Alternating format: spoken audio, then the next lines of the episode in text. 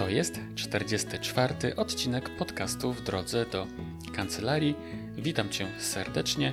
Ja nazywam się Rafał Chmielewski i w tym podcaście rozmawiam o biznesie prawniczym z prawnikami, którzy niejedną wiosnę w todze mają już za sobą.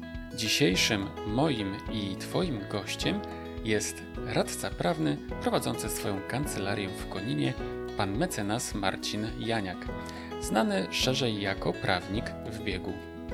Od dłuższego czasu zabiegałem o rozmowę z moim gościem, jako że bardzo bliska mi jest idea, którą kieruje się również pan mecenas. A chodzi mi o ideę szerzenia dobra na tym pięknym świecie. Okazuje się bowiem, że robiąc coś dobrego można świetnie rozwijać kancelarię i każdy inny biznes, a czynienie dobra nie musi wcale oznaczać braku czasu i pieniędzy, a wręcz całkowicie przeciwnie. W moim głębokim przekonaniu bowiem dobro ma tendencję do powracania i do mnożenia się. Wiele razy doświadczałem tej filozofii na własnej skórze, ale także widziałem to w praktyce wielu dobrych prawników. Kancelaria pana Marcina Janiaka, mojego dzisiejszego gościa, jest być może jednym z najlepszych przykładów. Obecność w tym odcinku podcastu gościa o takim podejściu do swojej praktyki prawniczej idealnie zbiega się z pewnym faktem, o którym muszę Ci powiedzieć. Otóż od listopada 2019 roku swoją zdolność operacyjną osiągnęła nasza fundacja. Fundacja Weblex, której celem jest finansowe wsparcie prawników i prawniczych rodzin w trudnych i nieprzewidzianych sytuacjach życiowych, takich jak choroba, wypadek itd. Na pewno wiesz, co mam na myśli. Powołaliśmy do życia fundację, ponieważ od długiego czasu wspieraliśmy różne inicjatywy tego rodzaju. Natomiast to samo można robić bardziej efektywnie, z większym zasięgiem oraz wyższymi kwotami wsparcia za pomocą organizacji, jaką jest fundacja. Ponadto nie ma w naszej branży podobnego podmiotu, który by łączył prawników, którzy chcą i mogą pomóc, z prawnikami, którzy tej pomocy po prostu potrzebują. Mam więc nadzieję, że dzięki naszej fundacji ta luka zostanie wypełniona. Jeśli chcesz wiedzieć więcej na temat Fundacji Weblex i na przykład ją wesprzeć, do czego oczywiście gorąco Cię zachęcam, to zajrzyj na stronę www.fundacja.web-lex.pl. No, ale wracając do naszego gościa, pana mecenasa Marcina Janiaka. W trakcie naszej rozmowy rozmawialiśmy o różnicach w pracy na podstawie umowy o pracę, umowy zlecenia oraz na własny rachunek. Rozmawialiśmy o dywersyfikacji ryzyka w biznesie kancelarii prawnej, o tym jak budować kancelarię, robiąc dobre rzeczy i zmieniając świat na lepsze, czego mój gość jest e, najlepszym przykładem. Rozmawialiśmy też o tym, że marzenia się nie spełniają, ale się je po prostu spełnia. Rozmawialiśmy o wdzięczności, o istotności ruchu fizycznego w kontekście pracy w biurze także o wykorzystaniu mediów społecznościowych, budowie relacji, obsłudze klienta, dlaczego warto się łączyć na samym początku prawniczej drogi. Rozmawialiśmy też o poleceniach i promocji kancelarii prawnej, a także oczywiście wielu innych ciekawych i wartościowych rzeczach. Tej rozmowy posłuchasz za 5 minut, bo wcześniej, jak zawsze, krótki fragment rozmowy z Katarzyną Solgą o organizacji kancelarii prawnej, czyli poprawnik Kasi. Tym razem Kasia opowie o pewnym sprytnym programie, który pozwala na konwersję zdjęć do formatu PDF. Idealne narzędzie dla każdego prawnika i każdej prawnej kancelarii. Zapraszam Cię gorąco. Najpierw Kasia Solga, a za chwilę mecenas Marcin Janiak. Dodam, jak zwykle, że podcast w drodze do kancelarii jest słonecznie wspierany przez Weblex oraz od dzisiaj także przez Fundację Weblex. Zapraszam. Dzisiaj mamy sekret numer 5. Kasiu, co powiesz dzisiaj, o czym nam opowiesz? E, dziś e, takie krótkie polecenie, bardzo fajnego, darmowego e, i bardzo przydatnego w pracy prawnika programu, który pozwala zmienić zdjęcia, które bardzo często prawnicy wykonują, czyli zdjęcia akt, na przyjazne PDF-y. Jest to mhm. program, który został dokładnie w tym celu stworzony przez warszawskiego adwokata Marcina Kuczyńskiego. I w związku z tym on spełnia naprawdę idealnie wymogi e, Pozdrawiamy prawników. Pozdrawiamy zdecydowanie. Co więcej, e, pan e, Marcin Kuczyński ten program udostępnia zupełnie bezpłatnie do wykorzystania komercyjnego również. Tak? Mhm. Zamieścimy linka do strony pana mecenasa, gdzie można ten program pobrać. Ja go polecam, bo jest naprawdę rewelacyjny i co zapewnia? No zapewnia przede wszystkim konwersję, bo takie wykonane aparatem czy komórką zdjęcia akt są zwykle bardzo duże. Przeciętnie to jest tam 1,6, 2 no, mega, tak, tak, tak, dużo.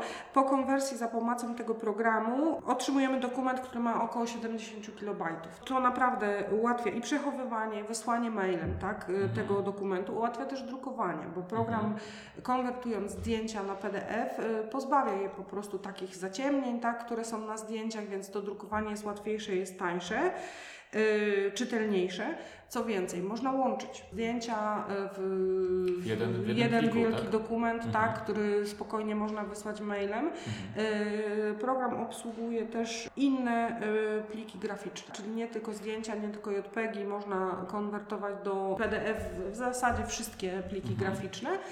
I sam autor tego programu poleca go również do tego, żeby sobie porządkować dokumenty otrzymywane od klientów za pomocą tego programu, czyli otrzymujemy w mm, toku pracy różne pliki, które, które no, mm, jakby są bardzo różne, tak? różne nazwy, różne, różne formaty i o, o wiel, trudno to się przechowuje jakby w archiwum kancelarii. Po przerobieniu przez ten program jakby otrzymujemy fajny, y, lekki PDF, który, który standaryzuje nam przechowywane dokumenty. Bardzo polecam. Program nazywa się Aktomat, strona y, pana adwokata Marcina Kuczyńskiego super sprawa. To pan mecenas Kuczyński ma takie umiejętności w zakresie programowania? E, no, z tego, co Chyba pisze tak. sam o sobie, tak wynika, dlatego że jakby historia programu jest taka, że pan -hmm. mecenas nie mógł znaleźć dobrego narzędzia na rynku, więc je sam napisał. Podejrzewam, że no, ma takie umiejętności. Tak. Czapki z głów. ja też podziwiam i podziwiam też za to, że nie zdecydował się jakby zarabiać tak na tym, tylko i kolegom po fachu udostępnia to e, bezpłatnie. Na jego stronie można też znaleźć inny program, który służy do wyciągania danych z ksiąg wieczystych, ale powiem szczerze, nie powiem nic na ten temat więcej, bo ja tego e, nie używam, ale podejrzewam, że dla innych prawników może być całkiem przydatne rozwiązanie. Dziękuję. Dzięki Rafał. Jeśli chcesz wiedzieć więcej na temat organizacji kancelarii prawnej, to zachęcam Cię do odwiedzin bloga Katarzyny Solgi pod tytułem Jak prowadzić kancelarię. W prosty sposób znajdziesz go poprzez jakąkolwiek e, wyszukiwarkę. Możesz także zajrzeć również do facebookowego profilu bloga o tym samym tytule, czyli jak prowadzić kancelarię, e, gdzie na tymże profilu toczy się wiele interesujących dyskusji na tematy kancelaryjno-organizacyjne. A teraz rozmowa z radcą prawnym Marcinem Janiakiem, czyli prawnikiem w biegu. Gościem e, kolejnego odcinka w drodze do kancelarii jest radca prawny, pan mecenas e, Marcin Janiak, e, którego wielu z Was zna na pewno jako prawnik w biegu. Witam Cię, Marcinie. Witam serdecznie. Spotykamy się w. W Koninie, w kancelarii radcy prawnego Marcina Janiaka. na trasie między Poznaniem a Warszawą. Mm-hmm, mm-hmm. Cieszę się, że się możemy zobaczyć. E, poznaliśmy się e, nie tak dawno w zasadzie, bo na spotkaniu które zorganizowała Kasia Łodygowska, e, czyli e, matka prawnik. Dokładnie, sami chociaż, prawnicy. Chociaż, przepraszam cię, miałem wtedy, byłem zajęty po prostu rozmowami z różnymi ludźmi. Jakoś nie było nam dane wtedy porozmawiać, ale cieszę się, że ten kontakt jakoś odnowiliśmy. Natomiast oczywiście obserwuję już od długiego czasu twój profil na Instagramie i wiesz co, jestem szczerze mówiąc zafascynowany tym, co robisz, kim jesteś, w jaki sposób to robisz. Bardzo mnie to wszystko interesuje. Dlatego szykując się do e, wywiadu z Tobą, celowo nie przeprowadziłem jakiegoś głębszego rekonesansu po to, żeby właśnie e, być bardziej zaciekawiony tym podczas rozmowy, właśnie e, kim jesteś, co robisz i, i w jaki sposób. No poza tymi kwestiami takimi typowo prawniczymi. Marcinie, ale powiedz wcześniej jeszcze tak nam wszystkim, kawa czy herbata? Oczywiście kawa. Kawa czarna, bez mleka, bez cukru. Czyli tak jak ja w zasadzie, e, z ekspresu przelewowego Czyli dla mnie stąd, najlepiej. stąd ta chemia. Posłuchaj, e, byłeś już dzisiaj na porannym joggingu? No właśnie, niestety muszę Cię zawieźć, ale dzisiaj nie byłem, ale za to wczoraj zrobiliśmy trening, e, bo to jednostki treningowe jak gdyby różnie się układają, ale wczoraj jak najbardziej tak. E, zresztą nazwa profilu Prawnik w biegu wzięła się stąd, że dosłownie i metaforycznie biegamy nie tylko nie tylko sportowo, ale jak gdyby no w pędzie życia i w pędzie prawniczym e, biegamy. Faktycznie, no masz rację, jasne, to taka rzeczywiście metafora, no. A z punktu widzenia też, jak gdyby tutaj mówiąc na, o nazwie, dlatego prawnik, że jeszcze jednak w polskim społeczeństwie dużo osób nie rozróżnia y, adwokat, radca prawny, a z punktu widzenia wypowiadania radca prawny w biegu byłoby to zdecydowanie trudniej niż prawnik w biegu, stąd tak o. Mhm, nie, świetna marka w ogóle. A powiedz, dlaczego w ogóle zostałeś e, radcą prawnym? Nie było żadnych e, koneksji rodzinnych. To było bardziej takie parcie. Zawsze byłem hu- bardziej humanistą niż e, matematykiem. No i przyznaję bez bicia, że w czasach podstawówki był taki serial Jack, Wojskowe Biuro Śledcze, a że jako chłopak zawsze chciałem być albo wojskowym, albo mundurowym, albo prawnikiem. No to pomyślałem, że jakbym dostał się na przykład na studia e, prawnicze i potem gdzieś do, jakiejś prokuratury wojskowej, to spełnił swoje dwa marzenia i stąd gdzieś tam zaczęło kiełkować w mojej głowie, że e, chciałbym zostać e, prawnikiem, a potem zawsze fascynowało mnie to, że można komuś pomóc e, swoją wiedzą. Nie trzeba mieć jakiegoś mega kapitału, ale jeżeli ma się wiedzę, to można komuś pomóc i gdzieś zawsze w tyle miałem taką ideę, że warto jest pomagać i to, co dajemy, do nas wraca. Czy to jest dobro, czy to jest zło. I jakoś tak y, też chyba trochę na przekór, bo jeszcze jak ja zacząłem studia prawnicze, to takie było przekonanie, że jeżeli nie masz rodziny prawników, to co ty w ogóle robisz? A że zawsze lubiłem troszkę takiego zawod... y, współzawodnictwa, takich wyzwań, no to tak mówię, kurczę, nie? dlaczego nie? Dlaczego chłopak y, z małej miejscowości nie może też zostać prawnikiem bez żadnych układów, tak? Mhm. No, dzisiaj oczywiście to wszystko się już zmienia, więc to jest zupełnie inna para kaloszy i pewnie inne motywy by mnie mną kierowały, ale w tamtym czasie, kiedy wiedziałem, byłem zdeterminowany, no to troszkę przekornie, żeby pokazać, że można, a dwa, że wiedziałem, że to jest to, co lubię robić i uwielbiałem historię, a jak gdyby no, siłą rzeczy historia to jest takim mo- mocnym akcentem, no to tak po prostu stwierdziłem, że chciałbym zostać prawnikiem. Jak pierwszym w rodzinie prawnikiem, mówię, no i zobaczymy, no i się udało. No. E, a studia e, prawnicze zacząłeś w roku? E, u, a, 98, 2002, 2003? Zacząłeś? Mhm. Mhm, okej. E, A powiedz, czy się w czymś specjalizujesz jako radca prawny?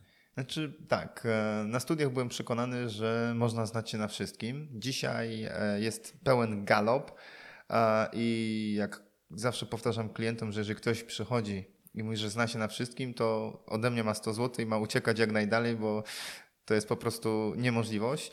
E, Tak naprawdę teraz, teraz tym, czym się e, zajmuję przede wszystkim, no to jest e, obsługa przedsiębiorstwa energetycznego plus sprawy, plus samorządy. Ale to nie mam takiej jakiejś wąskiej, ścisłej specjalizacji, to jest taka bardziej ogólna obsługa z punktu widzenia podmiotu gospodarczego albo ewentualnie jednostki samorządu terytorialnego. Mhm. Prowadzisz kancelarię e, samodzielnie, e, w spółce, masz współpracowników? Tutaj y, system jest o tyle złożony, że próbowałem różnych konfiguracji i na dzień dzisiejszy jestem e, radcą prawnym, który prowadzi działalność jednoosobowo, ale współpracuję z jedną e, z większych kancelarii w Poznaniu. Równolegle, niezależnie od tego, obsługuję też e, podmioty gospodarcze, czyli na przykład to przedsiębiorstwo energetyczne, więc e, moja struktura jak gdyby kancelaryjna opiera się na tym, że jestem sam sobie panem i władcą e, i tak jak e, jesteśmy tutaj w kancelarii, no to ona tak naprawdę jest, żeby ewentualnie można było mieć e, odskocznie, żebym jak mam coś do zrobienia, żebym zrobił to w biurze, a nie w domu, bo staram się rozgraniczać te dwie kwestie. I, I tak naprawdę nie mam tutaj żadnego ani pracownika, ani e, bezpośrednio tu jeszcze, chociaż kancelaria z Poznania chciałaby, żebyśmy tutaj taką działalność rozpoczęli. Niemniej jednak, jak e, mój dzień pracy wygląda tak, że obsługując podmioty gospodarcze i te jednostki, jestem u nich na miejscu, czyli tak zwany in-house. E, no i tak naprawdę do kancelarii wracam, no to jest gdzieś tam między 18 a 20, albo między 6 rano a 8, zanim zacznę działać, tak? Czyli to tak bardziej na zasadzie, że miał po prostu miejsce, gdzie można popracować. No. Mhm. Taki nietypowa, bym powiedział, struktura, ale sprawdza się. W moim przypadku jestem bardzo zadowolony i na razie mhm. będę tak to kontynuował, chociaż mam świadomość, żeby pójść krok dalej, to trzeba się podzielić obowiązkami i trzeba poszukać mhm. wsparcia. Mhm. Ale wspomniałeś wcześniej, że e, to już jest e, taka e, jedna z wielu konfiguracji, w których byłeś zaangażowany jako radca prawny, jako, jako prawnik, czyli wcześniej pracowałeś w, w gdzieś indziej, z kimś innym, bądź też miałeś e, współpracowników? Znaczy tak, wszystkie możliwe konfiguracje miałem. E, Właśnie. Zaczynałem od e, pracy u mojego patrona, gdzie to był taki typowy piękny okres, bo to nie była jakaś tam wielka korporacja, tylko po prostu jednoosobowa kancelaria ale z możliwością taką, że mogłem sobie dorabiać, czyli jakieś zastępstwa, e, substytucje, jakieś dodatkowe rzeczy, póki nie wchodziło to w zakres e, obowiązku pracy mojego patrona i to było niesamowite, bo oprócz tego, co, czego uczyłem się przy nim, przy okazji zdobyłem doświadczenie właśnie pomocy, zdobywania klienta i to była ta pierwsza rzecz. Druga rzecz e, to był okres, kiedy zostałem radcą prawnym, miałem do wyboru.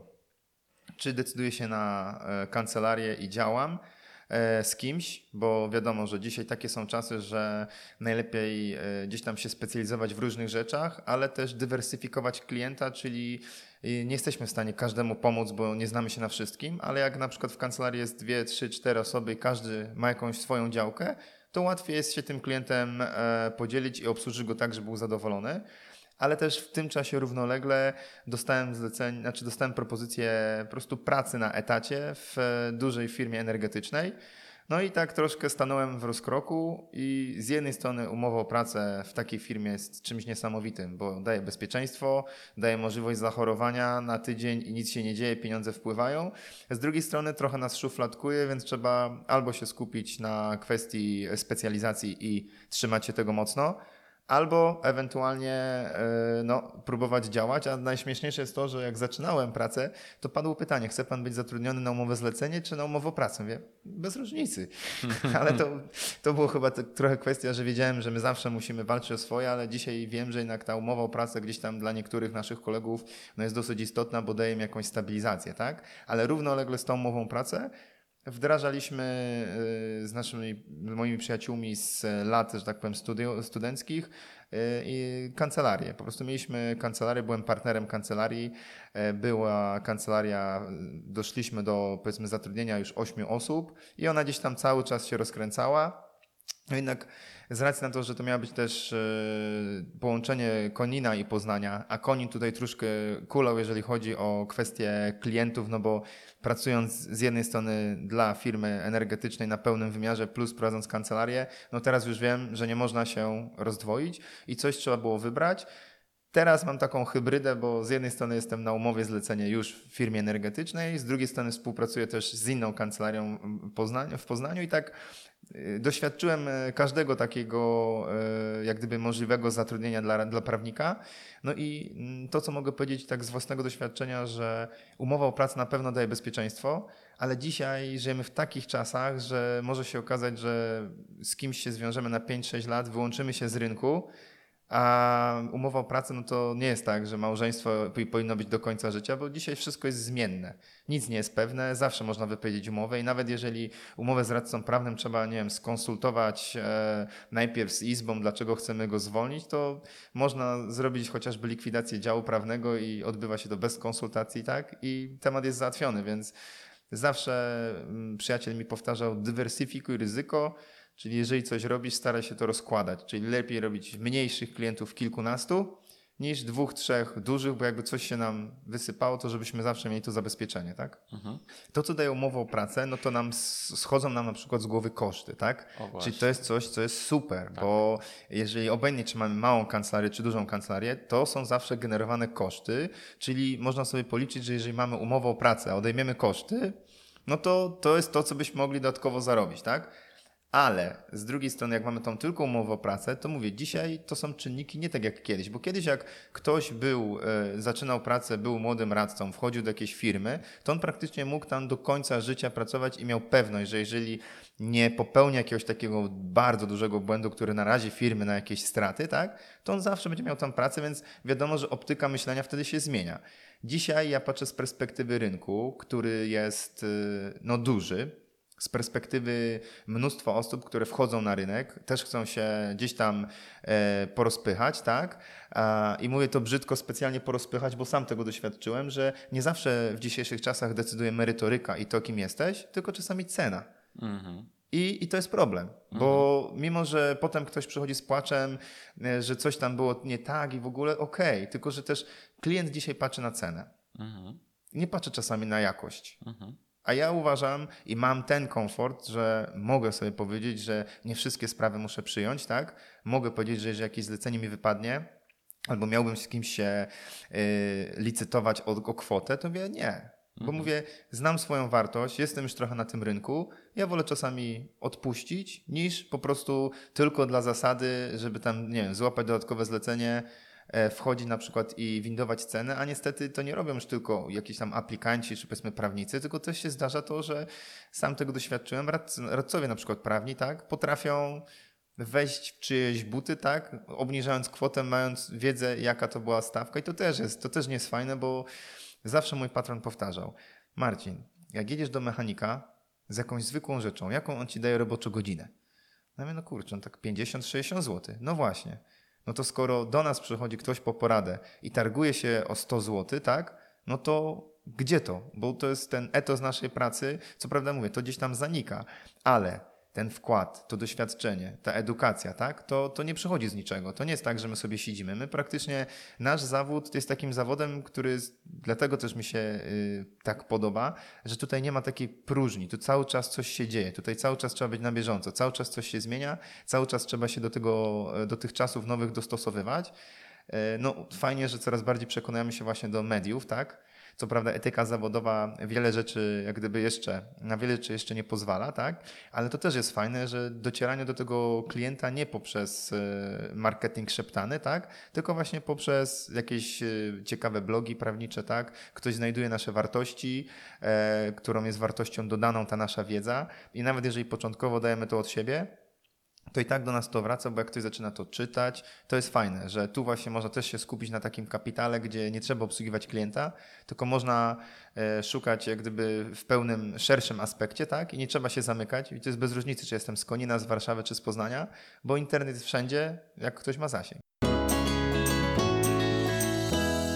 Porozmawiamy sobie w takim razie o, o tym, co robisz e, poza pracą. Twoje konto na Instagramie jest e, zapełnione tobą i innymi ludźmi, z którymi biegasz. Są to zdjęcia w zasadzie, czy je- jeśli robisz e, takie krótkie nagrania wideo, to wiecznie z kimś jesteś i z kimś biegasz. E, Kto to jest? Y, Znaczy, powiem tak, y, jeszcze trzy lata temu nie żyłem, bo nie było mnie ani na Facebooku, ani na Instagramie. E, Z tego prostego względu, że po prostu nie miałem czasu jak gdyby na takich najbliższych fizycznych znajomych, a trochę jestem takim chyba dinozaurem. E, I stwierdziłem, że nie potrzebuję się chwalić jak gdyby swoim życiem na zewnątrz. Ale e, przez to, że różne perypetie życiowe gdzieś tam spowodowały, że jednym z tylko z elementów, który mi taki został sportowych, bo prze, przerabiałem sztuki walki, przerabiałem pływanie, przerabiałem jakieś tam koszykówkę. E, była praca, było dużo pracy, było ciężko i zawsze był problem, żeby się zmieścić gdzieś z jakimś e, sportem. No bo jak nasza praca polega na siedzeniu, bo siedzimy w sądzie, siedzimy w samochodzie, siedzimy w biurze, kręgosłup trochę nie dawał mi spokoju i zacząłem gdzieś tam chodzić rano nad e, siłownię i wpadł mi do głowy taki pomysł, że zawsze mi się marzyło, żeby przebiec maraton. No i zacząłem realizować ten cel, tak jak różne w życiu obieramy cele, mały krok, wielkie rezultaty. Zacząłem e, sobie biegać i tak niewinnie przebiegłem maraton. Jak przebiegłem maraton, wpadłem e, w tak zwaną chorobę maratońską, zacząłem szukać, e, co można by takiego jeszcze zrobić, gdzie można jakiś fajny, egzotyczny maraton przebiec. No i okazało się, że jest coś takiego jak World Marathon Myers, czyli są takie sześć głównych maratonów na świecie. I do jednego z nich wystarczy tylko się zgłosić i może cię wylosują. I to było Tokio. No. I ja stwierdziłem, że kurczę, spróbuję. Pierwszy rok zgłosiłem się, no niestety nie miałem, nie miałem tego szczęścia. Drugi rok zgłosiłem się. Witaj Marcin, zostałeś wylosowany, zapraszamy do Tokio. Kopara w dół, no bo trzeba mieć wiedzę, że w maratonie tokijskim biegnie tylko 50 tysięcy osób, z czego 35 tysięcy miejsc jest tylko dla Japończyków, a 15 tysięcy na cały świat no. i z tych 15 tysięcy przeważnie jest około 350 tysięcy zgłoszeń na te 15 tysięcy miejsc. Więc jak ja to usłyszałem i jak ja to przeczytałem, dzwonię najpierw do żony, do mamy, do brata, do mojego trenera, do mojego przyjaciela, który powiedział, że jak mnie wylosują, to znowu nikt nie odbiera. Więc ja mówię, kurczę, może ja coś źle przeczytałem po angielsku. Mówię, nie wierzę. No, no ale jadę i okazało się, że tak, że się udało. Więc jak już miałem takie szczęście, no to siłą rzeczy rozmawiałem z trenerem, mówi Marcin, ty pomagasz, e, wspierasz tam e, fundację Podaj Dalej z Konina dla osób, które pomaga osobom niepełnosprawnym, może by to przekuć w jakiś taki cel. No jak mi się lampka zapaliła, to kurczę, może właśnie byśmy tak to zrobili, że ja bym biegał, może uda mi się kogoś do tego przekonać i ja będę sobie spełniał swoje pasje i marzenia. I tak powstał jakby pomysł, e, żeby biegać dla osób, które biegać nie mogą. No i tak jak gdyby siłą rzeczy powstał prawnik w biegu, bo z jednej strony, bo prawnik biega, to co już wcześniej mówiłem, bo łatwiej jest powiedzieć radca, znaczy prawnik w biegu niż radca prawny i e, specjaliści od marketingu stwierdzili, że to będzie po prostu prostsze dla zwykłego Kowalskiego do zapamiętania, ewentualnie do wpisania. Tak. Plus pomysł, że pobiegnijmy, zobaczmy, co się da zrobić. Potem ruszyły moja praca, bo to, co widać, e, to też jest śmieszne Czasami, bo prawnik w biegu to jest raptem 10% mojego życia. Tak naprawdę nie żyję z biegania, tylko żyję z pracy zawodowej. No ale jak jest Instagram i Facebook, to wszyscy już myślą, że to jest tylko to. No i przez to, że chciałem pomagać, poznałem, zacząłem poznawać różnych ludzi. E, zmierzyłem się z tym, jak się nie ma zasięgów, e, jak duże korporacje mają fajny pomysł, ale my z tego nic nie mamy. I gdzieś tam to ewoluowało i doszliśmy do takiego momentu, gdzie stwierdziłem, że fajnie by było pokazać ludziom, że można, że skoro ja już przebiegłem maraton w Tokio, mogę dać coś od siebie i może zacząłbym organizować jakieś takie wspólne treningi. No i tak zaczęliśmy sobie tak razem biegać, to gdzieś tam rośnie.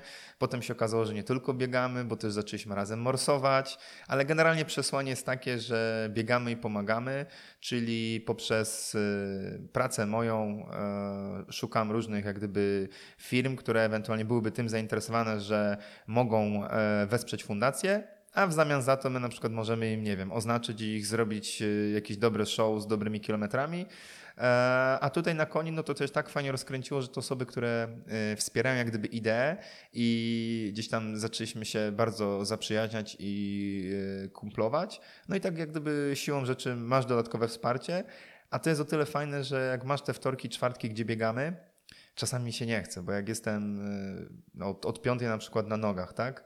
E, i dochodzi ta 19.30, gdzie mam pobiegać, normalnie pewnie jakbym nie miał tych e, ludzi wspierających, to czasami bym machnął ręką, bo wiem, że życie zawodowe trzeba ogarnąć, potem rodzina, ale jak wiesz, że tej 19.30 już czekają w lukach startowych, dajemy radę, to oni też tak fajnie nakręcają i e, tak naprawdę chyba człowiek tutaj w tym jest najważniejszy, bo to jest taka wartość, która jest niepoliczalna, a która bardzo napędza. Zresztą przez prawnika w biegu, no my też się spotkaliśmy, no bo tak naprawdę kiedyś gdzieś tam w zamieszłych czasach, kiedy internet prawniczy raczkował i ja nie spodziewałem się, żebym miał to szczęście, że przyjedziesz specjalnie, żeby tutaj się ze mną spotkać, a e, Kasię e, poznałem właśnie poprzez akcję e, Matkę Prawnik, poprzez właśnie prawnika w biegu, bo powiedziała, że chętnie nas wesprze, zamieściła też u siebie, bo naszą akcję były tam koszulki, więc to było niesamowite. I też gdzieś tam właśnie powstała ta chemia, że można, że fajnie, że nawet internet to jest właśnie ta wartość dodana internetu, czyli jak się poznaje takich ludzi,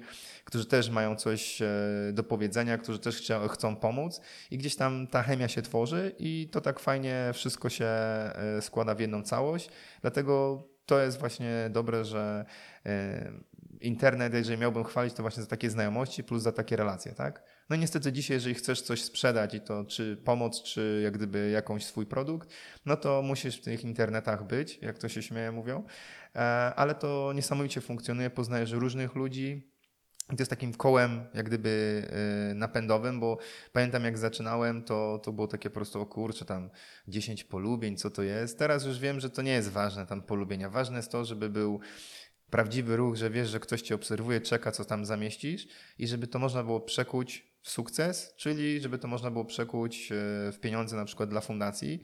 Mam świadomość tego, że yy, trzeba jest, że tak powiem, zapotrzebowanie na pomoc jest ogromna, tak?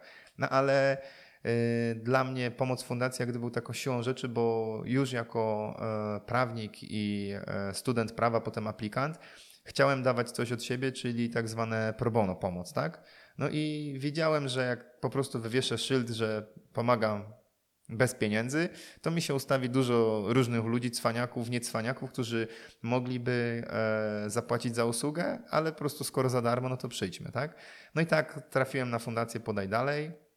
Idea była szczytna, bo pomagają osobom niepełnosprawnym e, przede wszystkim przystosować się do nowej rzeczywistości, pokazać, że e, wózek to nie jest jakaś bariera, tak? E, nauczyć niektórych ludzi, no bo to jest, nie, nie każdy na wózku znajduje się powiedzmy od urodzenia, bo ci, którzy są od urodzenia, im pewne rzeczy jest łatwiej zaakceptować, bo pewne rzeczy nie znają. Ale fundacja też pomaga osobom, które na przykład po wypadkach żyły, funkcjonowały i nagle mhm. muszą przystosować się do nowej rzeczywistości. Mhm. I jeden z takich projektów to właśnie było Akademia Życia, która fundacja prowadzi. To jest na całą Polskę, gdzie osoby niepełnosprawne przyjeżdżają do tak zwanych mieszkań szkoleniowych i przez trzy miesiące po prostu przez osoby niepełnosprawne też są przeszkalane, jak sobie można życie ułatwić tak. i odnaleźć się w tej nowej rzeczywistości na wózku.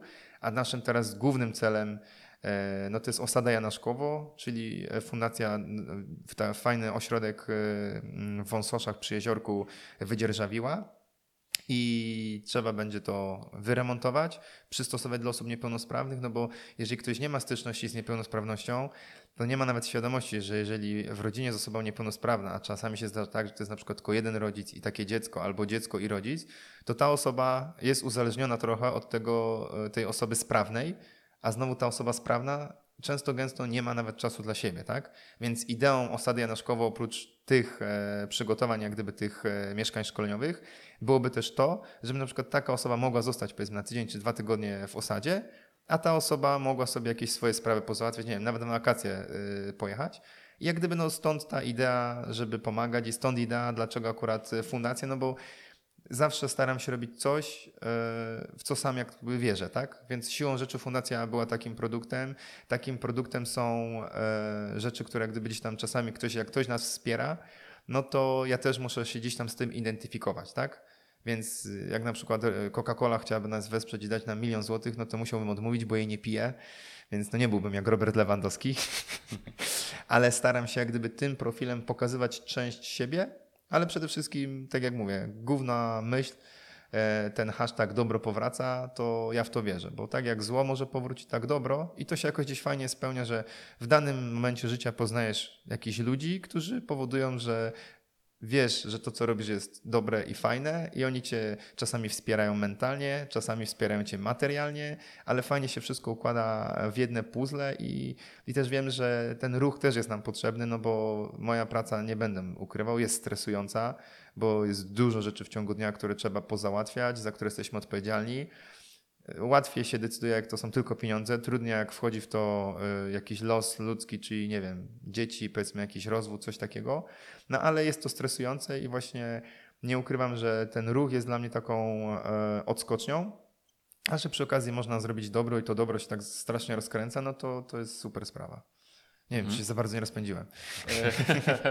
nie, wiesz, nie przerywam ci, bo to wszystko, co mówisz jest... E, ja przyklaskuję temu w ogóle, tak? Bo ja jestem w pełni przekonany, że właśnie dobro powraca, nie? I to nie powraca w stosunku 1 do 1, ale w stosunku 1 do 3, czy 4, czy, czy, czy, czy nawet 5. Ostatecznie jestem przekonany, że w momencie, kiedy będę odchodził z tego świata, to, to będę podsumowywał, jeżeli będzie oczywiście mi dane, tak? Czas, żeby mhm. to zrobić, to będę podsumowywał, co ja tak naprawdę w swoim życiu zrobiłem. Czy odchodząc z tego świata zostawiłem go nieco lepszym? Mhm. czy też po prostu byłem zwykłym konsumentem, który po prostu tylko egzystował i śmiecił, nie?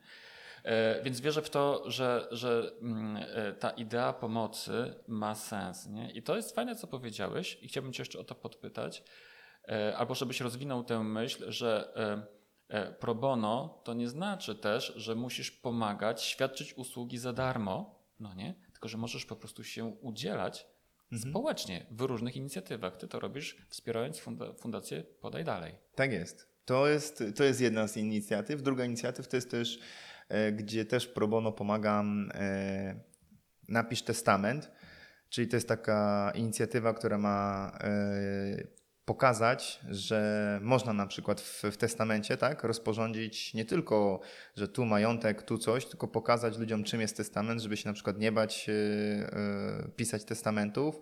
I to też jest taka inicjatywa, którą robię dobrowolnie, bez żadnego yy, przymusu. Między innymi dlatego no, też jest to związane z fundacją, no bo napisz testament jak gdyby próbuje pokazać, że można zostawiać coś w spadku na rzecz e, stowarzyszeń i e, fundacji.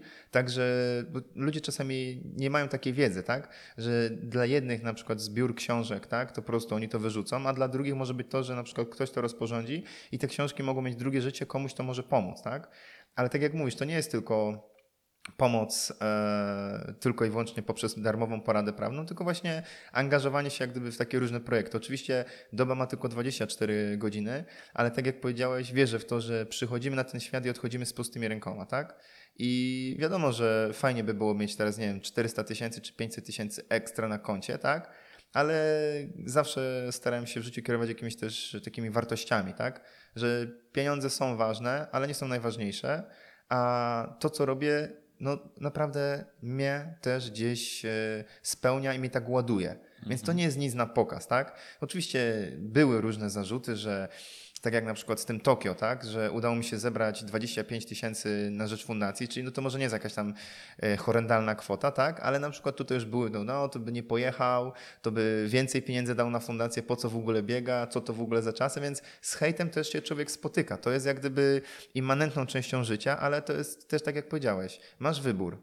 Możesz sobie siedzieć na kanapie i zrzędzić, a możesz się nie, ja nie mówię biegać, możesz wyjść na spacer, tak, dotlenić się, cokolwiek. Każdy z nas ma wybór Moim wyborem jest to, żeby działać, żeby pomagać, bo mnie to po prostu spełnia. Ja to lubię i tak jak y, czasami mogę sobie pomarudzić, no bo sytuacja geopolityczna e, plus różne e, sprawy, jak gdyby związane z tym, w co wierzyłem, czyli Trybunał Konstytucyjny czy Sąd Najwyższy, tak, powoduje, że gdzieś tam masz czasami zamęt w głowie i dochodzimy do tych czasów, że za chwilę będziemy się bali e, przy kliencie rozmawiać, telefony mają być odłożone, tak, już słyszałem takie sytuacje się zdarzają, bo własny klient może coś tam nas nagrywać, może mieć jakieś nieprzyjemności, w ogóle dla mnie to jest jakaś abstrakcja, tak, ale lubię ten zawód przez to, że właśnie mam świadomość, że nie wiem, uratowałem klient, on tego oczywiście nie poczuje, ale nie wiem, uratowałem przez jakiś tam zapis w mojej klientowi bańkę, tak? Albo pomogłem komuś, e, kto nie miał wiedzy, tak, i bał się, że na przykład dług przejdzie na dzieci, mogłem mu pomóc poprzez swoją wiedzę. Więc jeżeli dzisiaj ktoś by mi się zapytał, to tak, uwielbiam ten zawód i cieszę się, że go wybrałem ale też y, fajną rzeczą jest to, że ja nie miałem jak gdyby takiego nasiąknięcia, że nie wchodziłem y, z rodziny prawniczej, czyli że ktoś tam mi nakazał, tak? tylko to był mój wybór.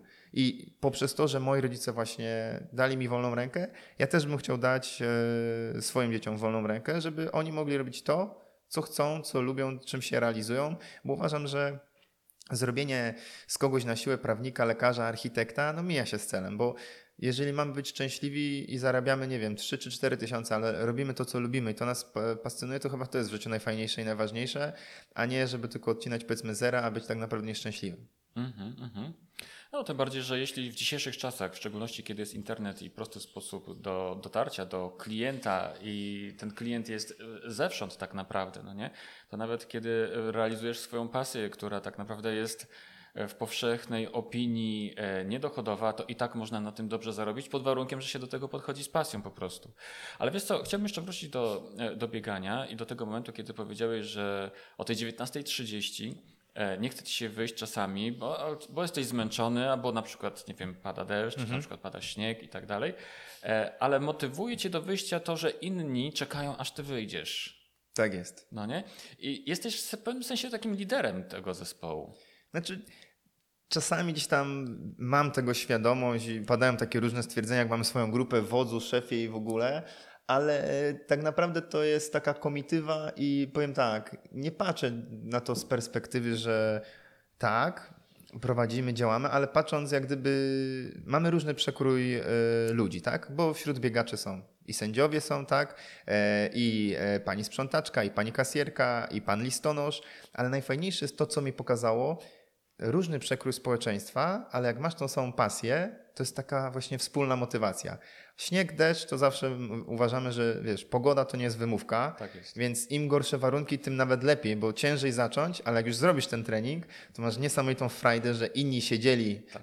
na kanapie, nie wiem, pili już piwko, a ty kurczę przebiegłeś razem z tymi wariatami tak. te 5 czy 10 kilometrów i to, to jest właśnie ta wartość dodana oni czasami myślą, że tak im mówię po prostu, bo tak wypada, a ja im mówię to, co czuję z serca, bo tak naprawdę jest, że ta grupa 5, 10, 15 osób, tak? Ostatnio mieliśmy trening z psem nawet, przyjechał tak. Chingu, więc to było dla mnie wow, piękny piesek, chociaż nie wiem, czy byłbym w stanie go prowadzić, ale właśnie to jest to. I działamy razem i to jest taka odskocznia i mówię, to jest ta wartość dodana, jakbym miał sobie zrobić taki rachunek sumienia, co mi dał prawnik w biegu na tym etapie to myślę, że właśnie niepoliczalną największą wartością to są te kontakty, to są ci ludzie. To jest na przykład tam to, że wspólnie biegamy, kogoś zmotywowaliśmy do biegania, to ok, ale ta choroba postępuje dalej, bo my jeździmy razem na jakieś zawody, my razem morsujemy, czyli y, z tej, z tej grupy, która biega, to jeszcze rok temu 15-20 osób, tak jak ja, y, w ogóle nie wiedział, co to jest morsowanie i dla nich bariera to było wejście do zimnej wody. Dzisiaj w ogóle nikt się nie pyta, jest morsowanie, biegamy, wchodzimy do wody i to też jest niesamowite, że gdzieś tak człowieka to mobilizuje, że pokazałem, że można, dałem przysłowiową wędkę, nie rybę i to oni z tym robią dalej. To oni, to jest niesamowite, jak potem widzę, jak oni dla nich wyzwaniem było, że kurczę, przebiec 5 km w ciągu to jest wow, tak? I potem słyszę, ty jesteś maratończykiem, ty, a ty ze mną tutaj biegniesz. Ale dla mnie każdy taki ich sukces jest moim sukcesem i to jest właśnie niesamowita ta mobilizacja. Chociaż mówię, no mam gdzieś tam przebłyski, że faktycznie tam lider, ale wydaje mi się, że to jest tak zbyt górnolotnie powiedziane. Po prostu ja chcę im dać wędkę, a co oni z tym zrobią, to jest ich sprawa, ale w 90% ci ludzie tą wędkę biorą i po prostu łowią grube ryby. Słuchaj, to co mówisz, to jest w ogóle niesamowita rzecz, ponieważ właśnie jak ja Ciebie słucham, Marcin, to według mnie i nie tylko według mnie, e, właśnie kimś takim jest prawdziwy lider, nie? Taki, który, za którym ludzie e, podążają nie dlatego, że muszą, tylko dlatego, że po prostu chcą. I to jest niesamowite w, w, tej, e, w tej relacji lider-zespół, że jedni, e, że lider potrzebuje wsparcia tych ludzi, bez nich nie byłby, nie byłby tym liderem, ale także oni potrzebują jego. Jest fantastyczna książka napisana przez Simona Sinka, e, Liderzy jedzą ostatni. E, polecam każdemu, kto ma jakąkolwiek organizację, nawet najmniejszą, czy chociaż taką nieformalną, jak ty, żeby, żeby zerknąć do tej książki, ponieważ tam właśnie można doskonale zrozumieć swoją rolę w grupie i jak, na, jak nawzajem e, siebie e, motywujemy. I e, rola lidera to bardzo często oznacza, że chodzisz zmęczony, jesteś głodny, tak? Ale jest to bez wątpienia niewątpliwy zaszczyt mhm. po prostu mieć taką pozycję, chociaż bardzo często sobie z tego nie zdajemy sprawy, że właśnie takimi liderami jesteśmy. I to jest właśnie, to jest niesamowita rzecz. Przypomina mi się tutaj, słuchaj, ten fragment z Foresta Gampa kojarzysz na pewno, gdzie on biegał tak od wybrzeża do wybrzeża. Stanął i przestał biegać. I za nim nagle zaczęła podążać grupa ludzi, nie? którzy po prostu sami nie wiedzieli dlaczego, ale po prostu chcieli biec mhm. razem z nim. Motywowała ich jego idea, chociaż tak naprawdę pewnie nie wiedzieli, jaka to idea, mhm. tak? Pewnie sobie ją nawet wyobrażali, ale w pewnym momencie on stanął i nagle oni poczuli totalną pustkę i zagubienie. Nie? To jest niesamowity fragment. Trochę mi się to kojarzy właśnie z tym, z tym, co, z tym co mówisz. Czy tutaj właśnie y, jak gdyby to bieganie tak, ale to jest też niesamowite, bo no niestety, niestety mm, mamy trochę teatr życia, czyli będąc radcą prawnym, nawet jakbym chciał y, przyjść do kogoś na obsługę po treningu, tak, y, umyty, ale w stroju sportowym, to nawet jeżeli merytorycznie jestem mega super, to jestem 100 razy lepiej odebrany, jeżeli będę w garniturze, e, dobrze e, wyglądający pan radca prawny, pan mecenas e, w todze. I to jest też niesamowite, że człowiek gra rolę. Mhm. I będąc radcą prawnym, mam świadomość, że nie mogę sobie wyskoczyć w koszulce na przykład metaliki na jakąś tam, na jakiejś obsłudze, bo ktoś by powiedział, no puknie się facet, tak? Ale z drugiej strony też mam świadomość tego, że jak ktoś mnie poznaje, a wie jaki zawód wykonuje, to nagle mówi, kurczę, można być e, radcą prawnym mecenasem, nie nosić głowy wysoko i być takim normalnym. I też jak gdyby to jest jedną z rzeczy, którą przez prawnika w biegu chciałbym przemycać, zbliżać trochę do naszego zawodu, nie w dużym stopniu, bo oczywiście tutaj są różne kwestie i etyki zawodowej i, i, i w ogóle, ale pokazywać taką ludzką twarz. Żeby się to nie kojarzyło tylko, że jesteśmy takimi sztywnymi ludźmi, którzy tylko pracują w korpo i mają, że tak powiem, na, na sztywno, tylko żeby pokazywać, że można, że można realizować swoje pasje, wykonując taki zawód, jak wykonuję, tak? Jeszcze nakłaniać do tego innych, żeby po prostu taką ludzką, zbliżoną twarz, bo często, gęsto, y, jak ktoś z boku obserwuje, a nie wie, kim jestem, no to potem mi się zdarza, na przykład y, trafiam no, o taką, jak już jest szczery, szczera rozmowa, że jestem nadętym bufonem, tak? No ale to też się wiąże z tym, że ja nie mówię o jakiejś pewności siebie, ale jeżeli jestem do czegoś przekonany, to jestem w stanie jak gdyby to broni, tego bronić, tak? Ale ludzie nieraz to odbierają. U nas jest taka polska tradycja. No jak tam ci minął dzień? O kurczę, no i wymieniamy całą litanię, tak? A jak mnie ktoś się zapyta, jak ci minął dzień, to tak samo jak dzieciakom wieczorem staram się wpoić do głowy, za co dzisiaj jesteś wdzięczny. Mhm. Żeby znaleźć coś, bo każdy z nas jest, może jest za coś wdzięczny i to my sobie w głowie układamy, jak ten dzień nam się ułoży. Ja wiem, że dzisiaj mam mnóstwo pracy. Ja wiem, że y, niektórzy kowalscy już od 15 odpalą e, sobie piwko czy jakieś tam drineczka, bo jest weekend, a ja pewnie tutaj spędzę czas do 20, do 21, bo są pewne obowiązki, które trzeba wykonać. Ale też wiem, że jestem wdzięczny. A jeżeli czasami mam e, takie zawahanie, tak, to polecam Motyl i Skafander. Na tej podstawie, na podstawie tej książki powstał genialny film. Jeżeli nie jesteśmy wdzięczni i mamy problem, żeby znaleźć, czym jest wdzięczność, to polecam film Motyl i Skafander i następnego dnia pierwszą wdzięcznością, jaką będzie, to to, że otwieramy oczy, a drugą, że gołą stopą jesteśmy w stanie dotknąć podłogi i to czujemy. Mhm. I to jest coś takiego, my warunkujemy to, jak będziemy się czuć i jak gdyby chcę pokazać, że ten nasz zawód to nie jest tylko takie właśnie sztywno, że toga, tak? Mhm. Oczywiście, wiadomo, że kiedy trzeba być poważnym, to jesteś poważny, ale też pokazać to, że można być ludzkim i nie trzeba być, unosić się ponad e, jak gdyby innych, no bo też niektórzy koledzy mają coś takiego, że są przekonani, że jak są mecenasami, no tacy, tacy półbogowie co najmniej, ale to w ogóle mija się z prawdą, no bo tak to nie działa, nie? Mhm. Mhm. E, Marcinie, a jak wygląda Twój dzień?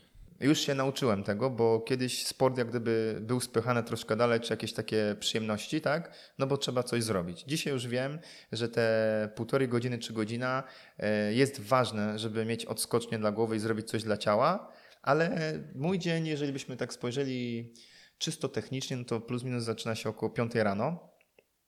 E, bo między 5 rano a godziną 8, czyli zawiezieniem dzieci do szkoły, przedszkola, jest ten czas, gdzie można się skupić. Jest chyba najbardziej efektywny, bo żaden klient nie dzwoni. Czasami ktoś coś tam napisze, bo też nie może dospać, ale nie ma śmiałości, żeby na przykład zadzwonić.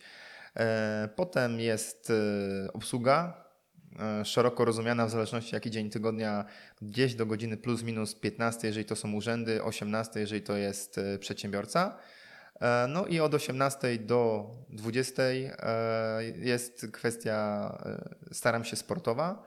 E, No i czas rodzinny staram się tak generować, żeby po prostu maksymalnie od poniedziałku do piątku pracować, a weekendy totalne odcięcie, tylko rodzina, telefon e, odrzucony w kąt, ewentualnie jakieś tam rzeczy związane z prawnikiem w biegu, tak jak na przykład w niedzielę będziemy biegli e, bieg e, o lampkę górniczą w Koninie, no to na pewno gdzieś tam jakaś relacja z tego będzie, ale intensywnie od poniedziałku do piątku, sobota, niedziela rodzinnie. Mhm.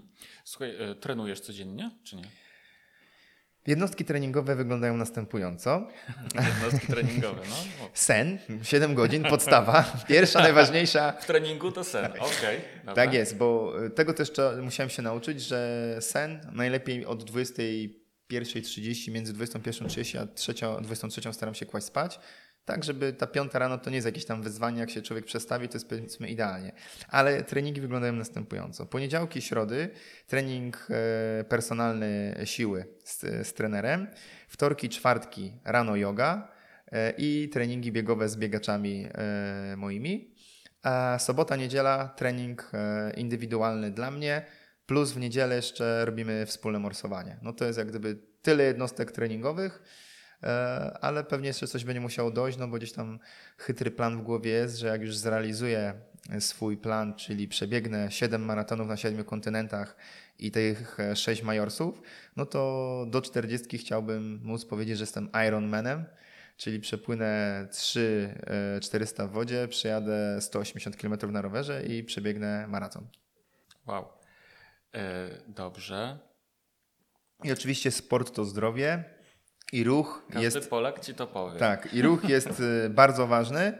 Tak. I tutaj tylko jeżeli mógłbym tak propagandowo powiedzieć, to nie trzeba od razu e, startować, nie wiem, z 5 czy z 10 e, kilometrów, tak? tak? Najważniejsze, żebyśmy sobie zakotwiczyli, bo ja miałem z tym bardzo duży problem, że okej, okay, praca jest ważna, ale ten ruch to też jest twoja praca. Ty Właśnie. robisz to dla siebie, Właśnie. ale to powoduje, że po prostu będziemy mogli dłużej żyć i więcej pracować Czytaj, czy ty wykorzystasz tą pracę jako fizyczną, umysłową, nieważne, tylko żeby mieć świadomość tego, że ten ruch jest ważny i ta idea jak gdyby e, dobrych kilometrów jest mega ważna. Ja się musiałem tego nauczyć, bo wielokrotnie przekładałem trening, bo wiedziałem, że praca jest ważniejsza, ale teraz już wiem, że no, doba jest tylko 24-godzinna i głowa jest tak stworzona, że jeżeli nie zrobimy sobie jakiejś przerwy, to nawet najlepszy mózg nie będzie w stanie z nami współpracować 12 godzin czy 14 na dzień. Jeżeli ktoś mówi, że tak potrafi, no to szapoba, ale daleko nie zajedzie. I nie zdziwi się, jak za chwilę skończy jakimś, z jakimś wylewem albo podejrzeniem zawału. Mhm. Wiesz co, powiem Ci szczerze, że tak spotykając się z różnymi prawnikami, z reguły wszyscy są, może nie wszyscy, tak, ale niestety, większość jest młodsza ode mnie. E... To wtedy akurat, to ty już doświadczenie masz, ty jesteś jak wino, słuchaj, im starszy, tym lepszy. Pomińmy ten temat, ten aspekt tego tematu, ale w każdym razie e, e, wielu się skarży na dolegliwości zdrowotne i głównie to jest tak kręgosłup i nadgarstki, nie? to mhm. trzymania rąk na, na klawiaturze. Ja zawsze mówię w takiej sytuacji tak, po co pracujesz wytrwale, tak? Idź przynajmniej na spacer w ciągu dnia na godzinę, mhm. poruszasz się troszkę, tak? Twoje ciało trochę odpocznie, ale przede wszystkim będziesz miał czas też, mhm. co nie jest bez znaczenia, pomyśleć. Mhm. Bo bardzo często jest tak, że zarobieni pracą nie mamy czasu myśleć po prostu o tym, jak wygląda nasze życie, jak je zaplanować, co mnie czeka, a może, mm, może jest coś takiego, co warto przemyśleć w kontekście pracy, w sensie takim mm, systemowym, strategicznym mhm. i tak dalej. Nie? Więc jest mnóstwo rzeczy, które po prostu trzeba przemyśleć w ciągu życia, w ciągu dnia, a zajęci pracą nie mamy na to czasu, najzwyczajniej w świecie. W związku z tym takie przerwy, o których ty mówisz, mhm. czy, czy po prostu tak znalezienie czasu na ruch, jest wartościowe z wielu punktów widzenia. Znaczy, tutaj też y, patrzę, bo mówię, ja y, działam w małym, w małym mieście, ale z perspektywy jak gdyby życia zawodowego, no to ta moja skala jest bardzo, e, grafik jest bardzo napięty i są różne historie, trzeba to poukładać, ale jak ktoś mówi, że nie mam czasu, to już nawet nie mówię o godzinie, bo to już mówisz o dużym luksusie. Najpierw trzeba wyrobić sobie nawyk. Jak mamy wyrobiony nawyk, to już nam jest łatwiej, ale jak ktoś mówi, że nie ma czasu, bo jest taki za, zapracowany, to dla mnie prosty, proste sprawdzenie w ciągu dnia, co robisz ile czasu spędzasz e, na social media, jeżeli na przykład nie prowadzisz jakiegoś profilu, tylko coś tam oglądasz, tak? tak. Czy oglądałeś dzisiaj jakiś serial, czy rano na przykład do śniadania sobie telewizję śniadaniową oglądasz, bo masz taki kaprys, tak? tak. I z tego 24-godzinnego czasu każdy z nas, ja nawet nie mówię o godzinie, bo mówię, to jest luksus, wygenerujemy 15-20 minut na początek, żeby się nauczyć, że mhm. można. Nawet spacer. Nawet zwykły spacer już powoduje inaczej. Mieszkasz w, e, w bloku albo w kancelarii masz windę, nie masz czasu, okej, okay. nie korzystaj z windy. Wejdź na to drugie czy trzecie piętro dwa, trzy razy, tak? tak. To już jest ruch. Tak. Ale to jest kwestia przestawienia e, myślenia. Ja już nawet mam teraz tak, że jak z jakichś względów wypadnie mi jakaś jednostka treningowa albo jakieś takie spotkanie, to ja już się też, też, też niedobrze, bo też się z tym źle czuję, no ale też nie można dać się zwariować i potem tego brakuje. Mhm. Jak człowiek sobie wyrobi ten nawyk, to potem po prostu już to idzie łatwiej, nie? A niestety, no mówię, ja zacząłem biegać dlatego, że y, dzieci się pojawiły, tak? Więc zrezygnowałem z treningu y, sztuk walki, bo oczywiście były potrzebne pieniądze, a akurat wtedy miałem dodatkowe zlecenie, więc chciałem y, synka jak gdyby kłaść do łóżka. No i postanowiłem sobie, że czegoś muszę zrezygnować. No i zrezygnowałem ze sportu. E, na poczet pieniędzy. No ale wiadomo, młodzi małżonkowie, jest to, było to potrzebne, więc nie żałuję tej decyzji, ale po czasie, kiedy organizm był przyzwyczajony, to właśnie takie o, ból kręgosłupa, takie złe samopoczucie, waga trochę poszła e, w górę, tak? I mówię, no kurde, tak nie może być, no bo jak sobie potem usiadłem, i tak, w biurze siedzę, w aucie siedzę, w sądzie siedzę, wszędzie siedzę. Tylko no. ten mały e, moment, gdzie się poruszamy, tak? No, no i to było takim asumptem, że padło na bieganie, Dlatego, że bieganie możemy zacząć sami. Mhm. Nie jest ważna godzina. Masz ochotę, jedziesz na siłownię, na bieżnie sobie pobiegasz. Wstajesz rano, bo lubisz rano, możesz pobiegać 10-15 minut przed pracą sam. Jesteś od nikogo niezależny. Oczywiście potem fajnie, jak się ma ekipę, bo to jak gdyby dodatkowo motywuje. Ale ten początek przy bieganiu jest zdecydowanie łatwiejszy i to nie są jakieś duże koszty, tak? Bo na początek nawet zwykłe buty, bo buty to jak gdyby to jest podstawa, żeby to jak się chce więcej biegać, żeby sobie nie zrobić krzywdy, ale zwykłe buty. Ja nie mam dużych inwestycji w to, tak? Mogę się ubrać nawet, nie wiem, w jakąś starą koszulkę, wyjść, zobaczyć, czy się tobie to podoba, tak? Jak się tobie to podoba, jak ci uderzają endorfiny do głowy, no to potem się zastanawiasz, jak ja mogłem tak żyć, że nie miałem, nie miałem jakiegoś takiego ruchu, nie? Mm -hmm, Słuchaj, przeglądam tutaj e, twój profil na Instagramie, zresztą polecam każdemu prawnik w biegu. Oczywiście. E, I tutaj widzę tak. Jesteś uczestnikiem tego klubu siedmiu kontynentów. Znaczy, chciałbym zdobyć, e, chciałbym zdobyć, to jest moje wyzwanie. A, okay. Siedem maratonów. I dopiero wtedy, jak przebiegniesz do, jesteś, siedem jesteś, maratonów, jesteś, członkiem tego tak. klubu. To na jakich kontynentach już biegałeś? Na trzy, bo tu masz Azja, trzy, Azja trzy Europa i Ameryka Północna. Aha, a w Ameryce Północnej to gdzie? W Nowym e, Jorku? E, Nowy Jork. Aha. W Azji Japonia, no a w Europie no to Berlin albo Warszawa albo Poznań śmiem twierdzić, że Poznań, no bo moim marzeniem zawsze było, żeby jak mam przebiec maraton, to chciałem, żeby to był Poznań, no bo to stolica Wielkopolski, zawsze miłe skojarzenia, raptem 100 kilometrów, jakoś tak trochę tą Pyrlandią żyje człowiek, nie? Mhm. I stąd jakby to się wzięło, ale no są jeszcze cztery kontynenty. Najbardziej wyzywająca będzie Antarktyda. Zdecydowanie tak. A jak się biega w, w Antarktydzie? Y, jak w tym mrozie, śniegu i tak Znaczy dalej? właśnie nie, to jest o tyle mylące, że to jest w marcu i to jest na takim e, etapie, że te warunki wcale nie są jakoś takie, że tam nie wiem, zamarza, że jest minus 30, bo jak znajoma biegła, to było w granicach 5 stopni na plusie, odczuwalna była minus 10, bo wiało. No ja na Antarktydzie nie masz, że biegnie z niedźwiadkami, e, że tak powiem, całe 42 km, że tak powiem, jakieś pętli, tylko masz odcinki i robisz kółeczka, tak? Bo to też musi być bezpieczne, żeby uczestnikom się nie stało krzywda. A kolejna rzecz, że to jest bardzo elitarna sprawa, bo tam jest pozwolenie tylko na bodajże dwa maratony w roku, a chce biec bardzo dużo osób. No, no i to niestety nie jest tania impreza. Mhm.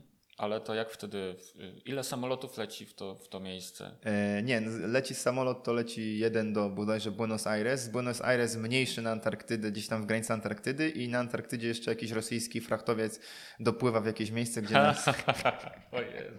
to sama, sama podróż tam jest przygodą. Znaczy, nie ukrywam, że to jest moje bardzo duże marzenie. Niemniej jednak, no, gdzieś tam po części jest ono w realizacji, ale no, koszty są ogromne, bo to jest mhm. około 40 tysięcy złotych. Mhm. Więc moja żona powiedziała, że mogę sobie lecieć na Antarktydę, ok, ale mam zostawić zabezpieczenie finansowe, plus y, to ma być kasa od sponsorów, bo na tym etapie nie mamy takich pieniędzy, więc jeżeli tego nie uzbierasz i nie wygenerujesz, to nie polecisz. A ja nie ukrywam, że jak gdzieś tam ktoś ma mnie wesprzeć, to zasada jest prosta. To, co wkładam w bieg, muszę też włożyć fundację, bo tak to, to było, że spełniam tylko swoją przygodę, tak? Czyli wiem, że ten challenge będzie dla mnie 80 tysięcy, ale też mam świadomość, że Antarktyda jest taka medialna, więc y, jakaś firma, która by chciała być na koszulce, mieć swój brand z Antarktydy, na przykład zdjęcie, tak, że był taki kurczę poczochraniec, no to, y, to to jest do zrobienia. Poza tym, tak jak gdyby z prawnikiem w biegu, uważam, że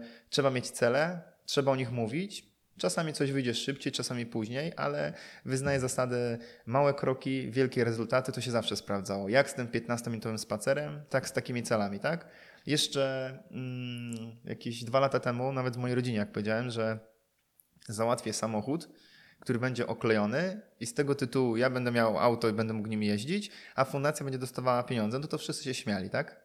Mówi, tak, gdzie? A dzisiaj plan jest zrealizowany, więc yy, uderzam też do dużych koncernów różnymi sposobami, ale oczywiście to nie jest tak, że o, na pstryknięcie palca wskakuje, bo na przykład mogę porozmawiać z dyrektorem marketingowym i on mówi, kurde, kupujecie. A jak jeszcze ktoś porozmawia i wie, że to jest robione z sercem i że to mnie naprawdę kręci, czyli ja nie sprzedaję jakiegoś tam yy, po prostu prostych frazesów, tylko ja w to wierzę. Mam za sobą też ludzi, fajnie, no ale potem się natykamy na dyrektora finansowego, no i, i różnie bywa, tak? Ale mówię, trzeba pisać, trzeba działać. Na y, ilość wysłanych maili z jakimiś prośbami, współpracami wróciło do mnie może z 5%, tak? Ale i tak uważam, że nawet jeżeli byłem na jakichś rozmowach w jakiejś dużej firmie e, i nawet to się skończyło tym, że fajnie, ale dziękujemy, to te rozmowy z tymi menedżerami, z tymi prezesami, myślę, że dało mi taką lekcję, że to jest coś, co ktoś może sobie tego nie wyobraża, tak? Ale sposób myślenia korporacyjnego, powiedzmy takiego e, prezesa, tak? Co on widzi, na co trzeba zwrócić uwagę, rozmawiając z kimś innym. To jest niesamowite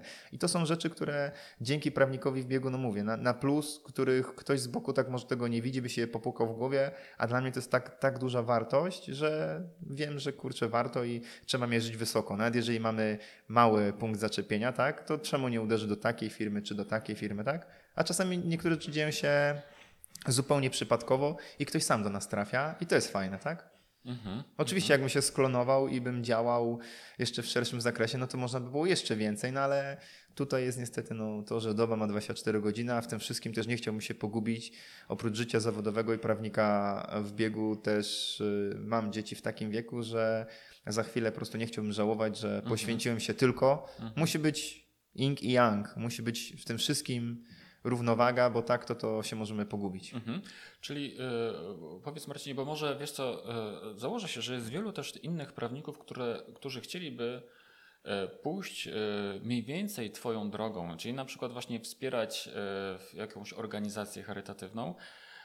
Powiedz mi, wyjaśnij, w jaki sposób tutaj odbywa się za pomocą tego, że Ty biegasz, E, e, w jaki sposób odbywa się finansowanie takiej organizacji? Jaki jest tutaj mechanizm? Mechanizm jest prosty. Tak jak na przykład było z e, Nowym Jorkiem, z Tokio, mamy ten punkt zaczepienia, że ktoś chce pomóc, tak?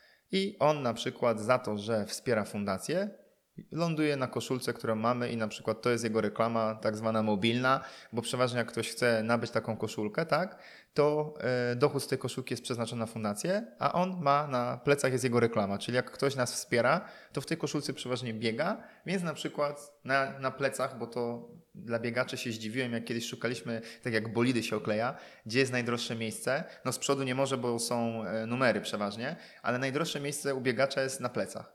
No więc tak wymyśliliśmy, że na przykład tak może wesprzeć e, w taki sposób, że on po prostu e, jest jego reklama, a on daje pieniądze na koszulki, które my na przykład rozprowadzamy, tak?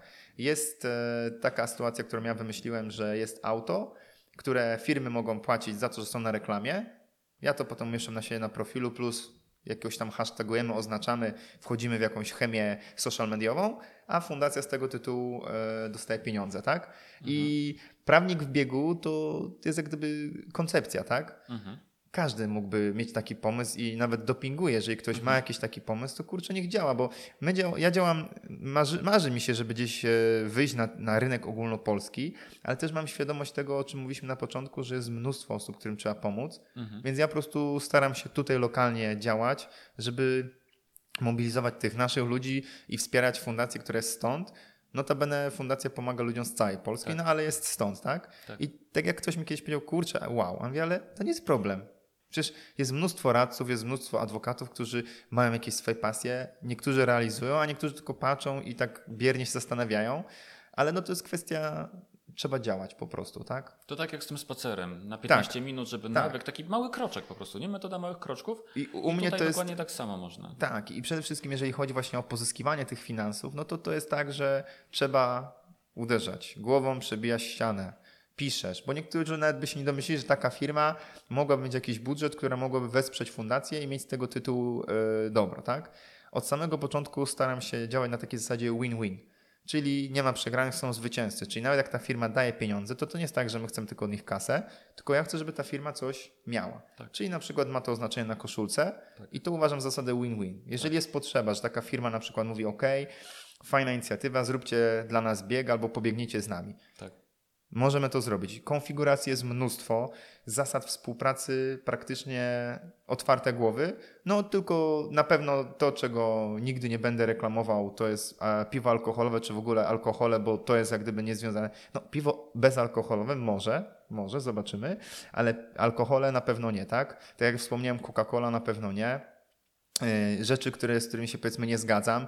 Była na przykład propo, propozycja przed kampanią reklamową, żeby wiesz, dać dużą kasę, żeby na samochodzie jeździł polityk, tak?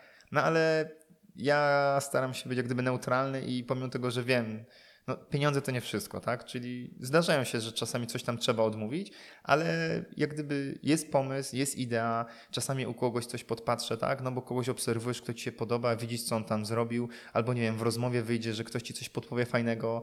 Czasami to jest barter, tak? Bo ktoś na przykład nie ma pieniędzy, ale jest w stanie na fundację przekazać e, jakieś swoje produkty, które my na przykład jesteśmy w stanie potem e, zlicytować, tak? Bo my to dostajemy, czyli nawet jeżeli troszkę poniżej kwoty, która to ma, to ma wartość, to i tak zawsze uważam, że pomału, pomału i można e, tutaj jak gdyby to wspierać i zaangażowanie myślę, no plus to, że gdzieś tam staram się w tym być e, prawdziwy, no i, moje pomysły, tak? Bo ja uważam, że jak spadać to z dużego konia, jak kochać to księżniczkę, jak kraść to miliony, I czasami ktoś by sobie pomyślał, kurde Marcin, jak ty to zrobiłeś? Ja mówię, no czasami nie wiem, napisałem, tak?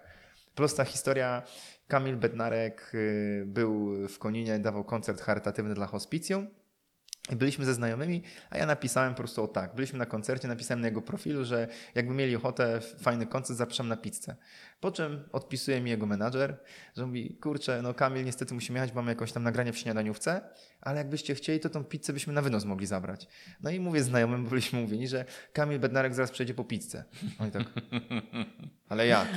Mówię, no ubierzcie się, bo do Kamilowi. Nagle podjeżdża Kamil, bierze pizzę, zrobiliśmy sobie zdjęcie, wow, yo. No i ci znajomi, kurde, dorośli, tak, jak? Ale jak? I to jest tylko przykład, że czasami, wiesz, pomysł, w tym miejscu piszesz, to mogło się nie sprawdzić, tak? To nie jest tak, że zawsze mi tak wychodzi, ale takie historie jak gdyby budują to, że wierzę, że czasami coś się dzieje nie bez powodu i przy okazji masz fajne wspomnienia, nie? Mhm, mhm. Tutaj mi cały czas, jak mówisz, to też w tle kołacze e, pewna e, bardzo e, wartościowa dla biznesu prawniczego idea to jest to, że po prostu poznajesz ludzi, tak? Tak. A w związku z tym e, te kontakty, które nawiązujesz e, poza tak naprawdę swoją pracą zawodową, tak naprawdę wpływają też na rozwój Twojej kancelarii. Znaczy, tak, y, od samego początku założenie było takie, żeby to ma być po prostu pomoc, tak? I nie chcę tutaj teraz tak y, propagandowo powiedzieć, że, że to tylko się liczyło, żeby pomagać, tak? Ale zacząłeś poznawać ludzi, ludzie widzą, co robisz, i czasami się okazuje naprawdę, że gdzieś tam ktoś do ciebie się odezwał, nie dlatego, że jesteś fajny, tylko dlatego, że na przykład docenia to, że masz czas w tym zwariowanym świecie, żeby pomóc innym. I tym gdzieś kluczem nie mówię, że są wartości. Prawnik w biegu nie ma być reklamą, żeby to, to jest jak gdyby, to jest tylko dodatkowa rzecz, ale jeżeli dzięki temu poznaję ludzi i mam możliwość jak gdyby przy okazji jeszcze załatwiania jakiejś innej dobrej rzeczy tutaj, no to fajnie, tak? I szczególnie, że yy, pomimo tego, że ja się skupiam na fundacji Podej Dalej, to nie zamykam się na współpracę na przykład z kimś innym, kto ma jakiś yy, cel na kogoś innego, tak? Jeżeli mogę i naszym ruchem jesteśmy w stanie pomóc, to jak najbardziej tak. Jak trzeba, nie wiem, e, jest, e, mój trener robi taką fajną akcję Miejska Mila e, i to jest w Poznaniu i na przykład zbierają pieniądze dla dzieci z hospicją, tak? No i ktoś mi powie, kurczę, ile tam ty tego robicie, nie? Ale mogę pomóc, to pomagam, tak? Bierzemy tych biegaczy naszych, płacimy wpisowe, jedziemy, reklamujemy, hashtagujemy, oznaczamy, bo uważam, że trzeba pokazywać różne możliwości, tak? I, I mówię, nie zbawimy całego świata, ale wystarczy, że trochę na swoim podwórku popracujemy. I to, co powiedziałeś, to ja się z tym z Tobą zgadzam, tak jak z czarną kawą, żeby zostawić chociaż trochę ten świat lepszy po nas, to będzie super, nie? A każdy z nas może zrobić ruch. I to nie, to nie, ja nie mówię o jakichś mega zakresach, bo powiedzmy, że ja robię to trochę szerszej skali, tak? Ale to wystarczy, nie wiem, widzisz, że jakaś e, sąsiadka, nie wiem, starsza jest, To nie jest dla ciebie problem. Idziesz do sklepu, zapytaj się, czy nie wiem, czy mógłbyś jej coś kupić, tak? Nie na zasadzie, że ty jej kupujesz, tylko po prostu pomóc, bo wiesz, nie wiem, jest zima, że ona może nie wyjść. Taki mały gest, tak? Podwieźć kogoś, no cokolwiek, tak? Uśmiechnąć się, powiedzieć dzień dobry. No to są takie elementarne rzeczy, a w naszym świecie często o tym zapominamy, że takie proste słowo, dziękuję, przepraszam, proszę, nic nie kosztuje. No ale to jest kwestia, gdyby chyba się za bardzo rozpędziłem, bo wiesz. Nie, nie, nie. nie. Słuchaj, o takich rzeczach trzeba mówić, o taki, takie po prostu rzeczy trzeba przypominać, może nawet w szczególności w dzisiejszym świecie. Nie? No dobrze, przyniosłeś tutaj jeszcze, postawiłeś na stole sok z buraka, tak? Tak jest. To jest jeden ze skutków ubocznych, które poznajesz przy okazji. Drink sportowy. Tak jest. Ale tu już może bez, bez że tak powiem, e, autoreklamy, żeby nie było, ale yy, uprzedzę to, o co chcesz zapytać. Na buraki trafiłem też przez bieganie, no, no bo zaczynasz biegać, sprawdzasz. Dlaczego morsowanie? No bo to jest fajna zimą, fajna regeneracja, tak? No. Dlaczego buraki? No bo krwinki czerwone mega pomagają, więc dzisiaj, tak jak rano mam taki e, początek dnia, to jest ciepła woda z cytryną. Tak bo to mnie mega jakoś tak, już mam taki nawyk wyrobiony. Tak samo gdzieś w samo południe taki sok z buraka, który wiem, że gdzieś tam zamiast jednej kawy na przykład taki sok z buraka mega fajnie działa, a akurat historia tych buraków jest o tyle fajna, że to jest firma, która jest z Konina, więc też działając staram się lokalnie jak gdyby wspierać e, różnych przedsiębiorców na takiej zasadzie, żeby im właśnie pokazywać, że można. Tak. I tu akurat e, Działamy razem, e, firma e, produkuje właśnie takie przetwory. W głównej e, mierze firma produkuje wina owocowe, mhm. ale sok z buraka jest właśnie tym z produktów, które po prostu uwielbiam. A żeby było śmieszniej, no.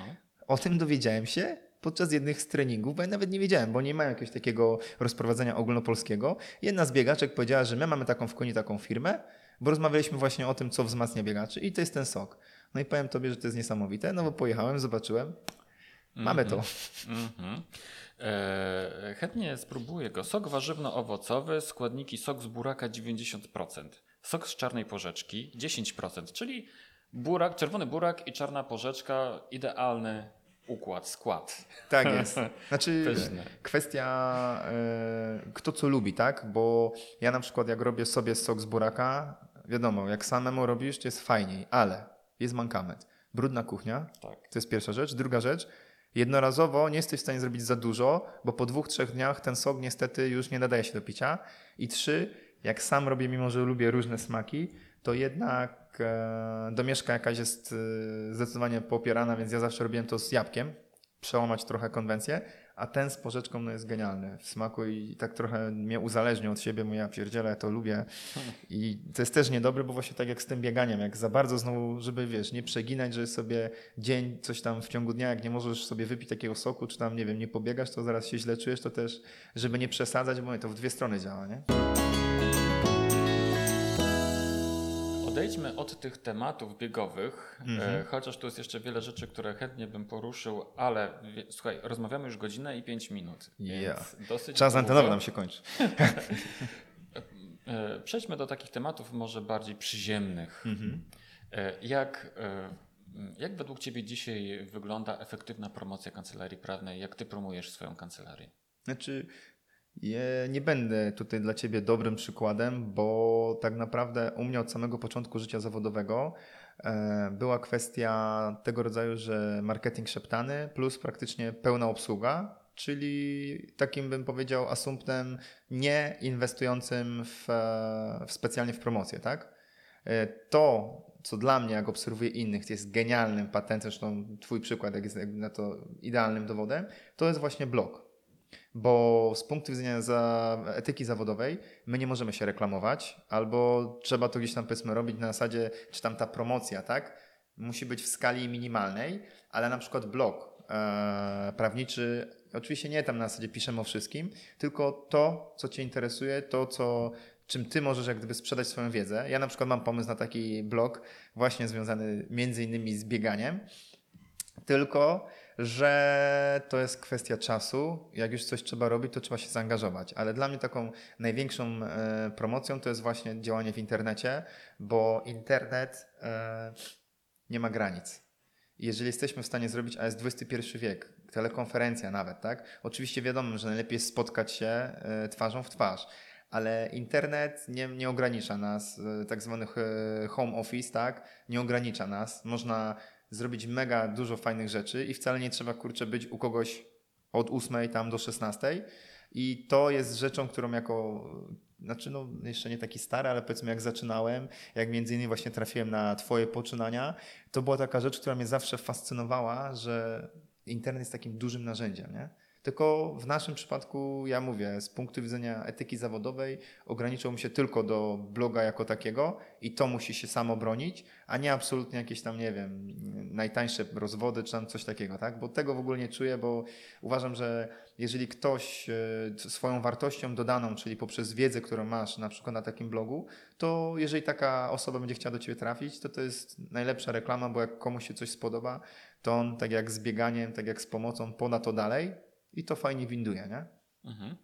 E, czy dobrze zrozumiałem, że prowadzisz bloga, czy nie? Nie, nie. to jest... Dopiero myślisz o tym. Asumpt e, działań moich jest taki, że mam pomysł, znaczy to proste jak budowa cepa, tak? Więc nie zrobię nic nadzwyczajnego, ale skupię w jednym miejscu rzeczy, które są potrzebne grupie biegowej, a które są związane z prawem, a tego jeszcze nie ma, więc może chwyci, może nie chwyci, ale to jest na zasadzie takiej luźnej możliwości, że ten blok chciałbym y, zrobić. Jakbym miał kogoś, kto jak gdyby chciałby y, ten, ten, ten pomysł też gdzieś tam y, wdrożyć, to może nawet i to by było szybciej.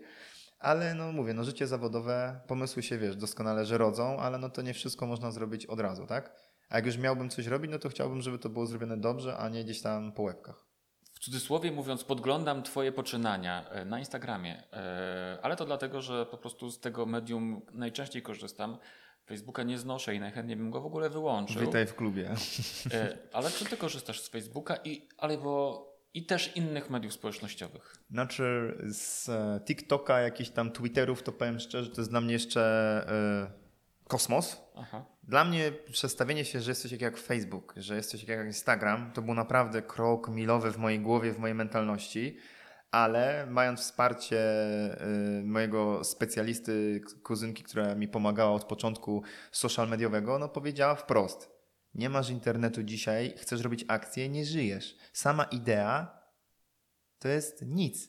Ludzie muszą widzieć, co robisz, musisz wchodzić w relacje z ludźmi, muszą czuć to, co robisz, albo mogą nie czuć, a jak czują, to oni ci pomagają. I skupiam się na Instagramie, na Facebooku na Facebooku staram się robić e, lustrzaną e, wersję, czyli Instagram, ta sama treść na Facebooku. Różnie to chodzi z zasięgi, w ogóle to chyba jeszcze z 5 czy 6 lat będę się uczył i Instagrama bardziej czuję, bo to bardziej widzę, tak? Krótko, pyk, pyk, pyk. Facebook jest fajny, bo e, w jakichś tam wydarzeniach nam szuka ten, ale jest tego mega dużo. Przeglądanie tego. Tak. Mm, mam znajomych chyba tam, nie wiem, z 4,5 tysiąca na Facebooku, ale to znajomych znowu taki myk, że żebyś mógł kogoś zaprosić, to albo musi polubić Twoją treść, albo musi być Twoim znajomym. Stąd to nie jest tak, że czasami ktoś się obraża, że jest u mnie na Facebooku, a ja tam coś nie kojarzę, nie? Tylko po prostu Facebook dla mnie to jest mój Facebook prywatny, w sensie Marcin Janiak. To jest tylko i wyłącznie po to, że muszę mieć treści y, i zaprosić y, ludzi do prawnika w biegu, jak gdyby stąd jest, ale z tych rzeczy korzystam tylko i wyłącznie y, biegowo, ale no to jest duże narzędzie i to jest niesamowite narzędzie. Jak masz jakiś tam pomysł albo nie wiem, nawet e, prosta, taki najfajniejszy chyba przykład, jak znajoma zgubiła tablicę rejestracyjną. No i poszedł post Facebooku i to poszło po prostu w 300 czy 400 czy 500 udostępnień i się okazało, że się tablicy znalazło. Mhm to jak gdyby mi uzmysłowiło, jaką to ma moc, ale i plus i minus, tak? Bo i hejt się może zdarzyć i mhm. ktoś może cię, nie wiem, tam trollować, czy tam tak. jak to się nazywa i to, to też nie jest fajne. Ale akurat mówię, no robię wszystko z czystym sercem, więc nawet jak ktoś tam pojawi się jakiś wpis czy coś, to staram się, żeby to było. Niech ktoś widzi, bo tak. Nie mam z tym żadnego problemu. Nawet jak ktoś sobie coś tam źle napisze, staram się nie wchodzić w jakieś tam spory, bo uważam, że to jest totalnie mhm. bez sensu, bo czasami komentarzem nie wyrażamy tego, co faktycznie mhm. chcielibyśmy, żeby ktoś usłyszał, mhm. a ktoś to jeszcze źle przeczyta i jeszcze bardziej się nakręci. Dokładnie. Więc nie doznałem jak gdyby bezpośrednio takiego e, hejtu, w sensie, że ja tam gdzieś odczułem.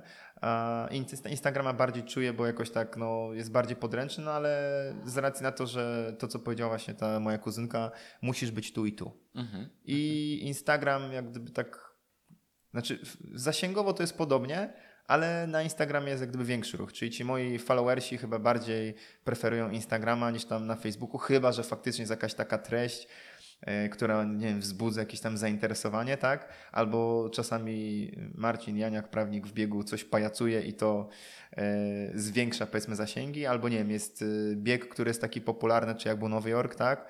Albo jak e, z moją młodszą pociechą kończyłem maraton w Gdańsku, to miałem tam takie zdjęcie, wiem, że kotki, dzieci się najlepiej sprzedają, ale staram się życia prywatnego bardzo, a szczególnie dzieci nie przemycać, no ale to było takie zdjęcie, które na przykład chwyciło mnie za serce, no i ludzie uwielbiają, tak? To, co obserwuję, to ludzie przede wszystkim najpierw patrzą, a potem może poczytają. Jak mhm. ktoś ma do ciebie mega sympatię, to poświęci tę chwilę, żeby przeczytać. To tak. też jest takie przerażające, że tworząc posty, muszę zrobić coś w miarę krótko i szybko, żeby tylko było pyk, pyk, aha, super, nie?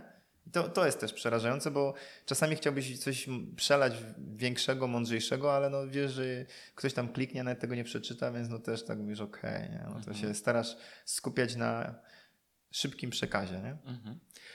E, mówiłeś wcześniej o marketingu szeptanym, mhm. e, czyli to jest Twoje podstawowe źródło e, klientów. E, czyli mówiąc wprost, są to klienci z polecenia. Tak. Mhm. I... Tak? Znaczy, bo powiem Tobie tak, od momentu, kiedy prowadzę działalność, kiedy w ogóle jestem, e, będzie już pewnie z 10-11 lat, to oczywiście były różne historie, czasami byłem na jakiejś rozmowie, czy, ale to przeważnie zawsze ktoś mi na przykład, nie wiem, dał cynka, że tam kogoś potrzebują, albo że ktoś tutaj przychodzi od kogoś, tak? I to się sprawdzało, to się sprawdza. E, jeżeli robisz dobrą pracę i w dzisiejszym czasie moją strategią jest to, żeby szyć usługę na miarę klienta, a nie zarobić tylko na nim jednorazowo, tak? I bon voyage, tak? Mhm. Taki prosty przykład. Przyszedł klient i e, mieliśmy powalczyć o, e, o bezmowne korzystanie z lokalu, tak? No i fajnie, no bo babeczka już tam rok była, tak? Więc jakbyśmy wystąpili do sądu, to pewnie jeszcze by z rok pobyła. Pieniądze super, no bo pozew, kasa, nie? No i słuchaj, spróbujmy z nią ponegocjować. Może się uda jakoś to załatwić. Nie wiem, ty zejdziesz z jej części czynszczu, ona ci już nie będzie robiła kosztów.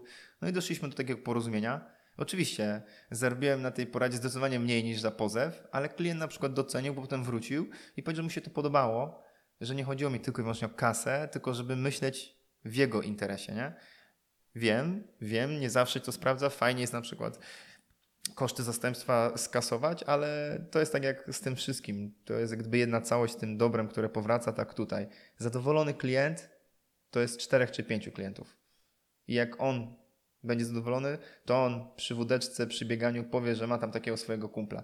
To nie zawsze tak działa, ale czasami ktoś wraca, nie wiem, po pół roku, po roku i dlatego ja tutaj mówiłem, że nie musiałem jakoś się specjalnie e, próbo, próby podjęcia e, marketingowych gdzieś tam jakichś e, rzeczy, no z tego prostego względu, że to jakoś zawsze taki był trochę samograj, że coś robisz, masz dużo kontaktów, no i gdzieś tam to zaczyna pracować i wracać, nie? Ale to wiem, że to nie wszyscy tak mają, więc dlatego mówię, śmiałem się jak zadać to pytanie, że nie, nie będę w stanie wyczerpać tematu.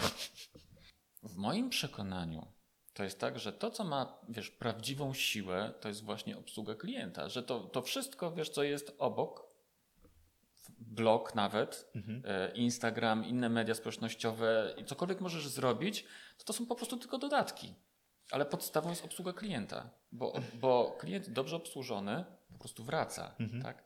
I to są, i wraca dlatego, że ma z tobą miłe wspomnienia, mhm. dobre skojarzenia ma, poleci też innym ludziom właśnie dlatego, że chce, żeby, żebyś ty im też mógł pomóc w ich problemach. Mhm.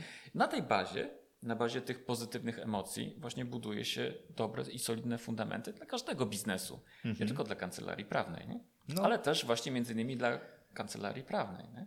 I w moim przekonaniu właśnie obsługa klienta jest jednym z najlepszych narzędzi, narzędzi do promocji kancelarii prawnej. Skoro ty masz wyłącznie klientów z polecenia, no nie, e, to uważam, że masz świetną obsługę klienta. Mógłbyś szkolenia robić z tego. Znaczy... Jak to robić, żeby mieć To jest, wiesz co, ale to jest, to jest też tak trochę, że mm, wiesz, no przypuszczam, że y, mała miejscowość, mniejsza miejscowość, plus to, co robię, plus to, że zawsze staram się, wiesz, angażować na 99%, tak? No to to pewnie też daje taki oddźwięk, tak? Dlatego y, samo to, że e, ten jest właśnie, nie, nigdy nie musiałem o tym myśleć, tylko u nas też trochę było to, wiesz, związane, e, jak mieliśmy na przykład, bo się zastanawialiśmy, jakbyśmy kancelarię, no bo masz kancelarię więcej osób, tak?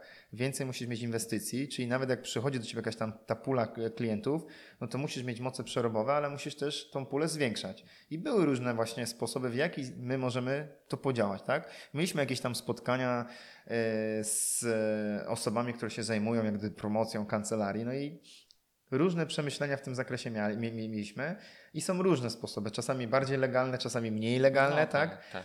A czasami jaki biznes robisz, tak? Mhm. Bo są takie rzeczy jak na przykład odszkodowania, które zawsze wiesz, że się opłaca, bo mhm. ale też musisz tego klienta jakoś pozyskać. Rynek tak. jest taki zakrojony, więc no są różne możliwości, ale konkluzja główna była taka, dawać wartości właśnie poprzez e, Facebooka, bo to jest jedyny sposób, gdzieś to możemy się reklamować, tak? I tu próbować pozyskać, ale no to, to był pomysł, a potem jest praca. No i się okazuje, że tu jedziesz, tam się spotkasz, tu coś, tu coś, tu coś i zawsze gdzieś ten czas i ten pomysł główny ucieka, nie? No, ale, mhm. ale dlatego mówię, w tej konwencji teraz, gdzie nie mam e, pracownika, nie mam e, szerszych kosztów i działam tak, jak działam, jest mi po prostu dobrze, mhm. ale na tym etapie też wiem, że jestem na tym pułapie, którego już dalej z kimś nie przeskoczę, znaczy bez kogoś nie bez przeskoczę, kogoś, tak. czyli to, co teraz mam, jest ok, ale mogłoby być lepiej, nie? Tak. Zawsze tak. może być lepiej. No i tutaj już idziesz niestety w pomysł, że trzeba mieć tą strukturę i pewnie trzeba już się zastanawiać, co można zrobić, żeby jeszcze więcej tych klientów przyciągnąć, nie? Tak, tak, tak. Ale zobacz, że wszelkie czynności promocyjne czy marketingowe to są e, takie czynności, które albo pożerają Twój dodatkowy czas, albo pożerają Twoje dodatkowe pieniądze. Dokładnie. No A obsługa klienta jest jakby sama w sobie jest istotą Twojego zawodu. Mhm. Na to po prostu nie musisz poświęcać czasu. Znaczy, no, w pewnym sensie musisz, tak? Bo jeśli chcesz obsłużyć dobrze tego klienta, ty się angażujesz, angażujesz na 99%, tak wspomniałeś? Mhm. 99%, no nie? Ale ktoś może się, e, e, ale większość może się angażować, nie wiem, w 60% czy 70% tak. i tak dalej, więc ty musisz na to więcej czasu poświęcić. A jakby to jest istota twojego zawodu, nie? I to jest właśnie fajne w obsłudze klienta. Ja zawsze mówię, żeby postrzegać właśnie obsługę klienta jako narzędzie do promocji e, całej kancelarii. No. I jako jedno z najważniejszych tak naprawdę. Znaczy no te relacje myślę, że są y, bardzo ważne, ale też z mojego doświadczenia wiem, że nawet jak ty się starasz, to czasami różne rzeczy mogą mieć wpływ na to, że ktoś jednak stwierdzi, że no to Ależ nie było owszem, tak. Owszem, tak. I to nie jest tak, że to jest permanentne tak. pasmo sukcesów. Nie. Bo też mi się zdarzało, że ktoś mi wypowiedział pełnomocnictwo, że nie wiem, ktoś zrezygnował z obsługi, ale to też się wiąże z tym, że dzisiaj nic nie jest nam dane na stałe, to jest jedna rzecz, a dwa, jedni, że ludzie postrzegają e, ten sam, tę samą szklankę do połowy pełną, tak, do, tak. do połowy pustą. Tak. I ktoś może na przykład, i ja to szanuję, tak? Jak, nie wiem, ktoś rezygnuje z obsługi, bo ma cięcia e, firmowe, tak? Tak. A ja mu prowadziłem obsługę 10 lat. Oczywiście, biorę to troszkę emocjonalnie, bo kurczę, dlaczego, ale to jest tak. biznes. I podchodząc do każdego takiego, ten, mam świadomość, że to jest biznes, tak? Czasami to jest polityka, bo się zmienia na przykład ustrój e, w samorządzie, no i możesz być fajny, super, no co z tego? Ktoś inny przychodzi i dlatego trzeba się jak gdyby z tym liczyć. I wybierając zawód prawnika, byłem przekonany, że jak już pokażę, pokażę że można, że nie miałem rodziny, nie miałem układów, jestem, to liczyłem troszkę, że będzie można z tyłkiem usiąść. No, się przeliczyłem, bo mamy takie czasy, że cały czas musisz pracować. I nawet jak już masz 120%, to w tyle głowy musisz wiedzieć, że może coś wypaść, więc musisz mieć jakiś pomysł na ewentualne e, uzupełnienie tego, tak? Tak. Ale dobro wraca. dobro wraca. tego się trzymajmy. E, dobrze, zmieniając troszkę temat. E, Marcinie, powiedz, jaką masz radę dla początkujących prawników? Przede wszystkim od samego początku być uczciwym w tym, co się robi. Nawet jeżeli się trochę mniej zarabia, to nie starać się e, podnosić głowy wyżej niż ją faktycznie ma. E, szukać jakiś nisz, w czym się e, oni na przykład sprawdzają, a to można jakoś połączyć z naszym zawodem. Z takich rzeczy, które jeszcze, no to na pewno, jeżeli wybierzecie pracę w kancelarii korpo, to jest fajne, ale to jest jak gdyby na krótką metę, więc starajcie się próbować e, powalczyć o siebie, różnych rzeczy próbować. Nie dać się od razu zaszufladkować, tak? A jeżeli już jesteście i chcecie się w czymś konkretnie specjalizować, to jest wasza pasja, no to to jest na pewno warte tego.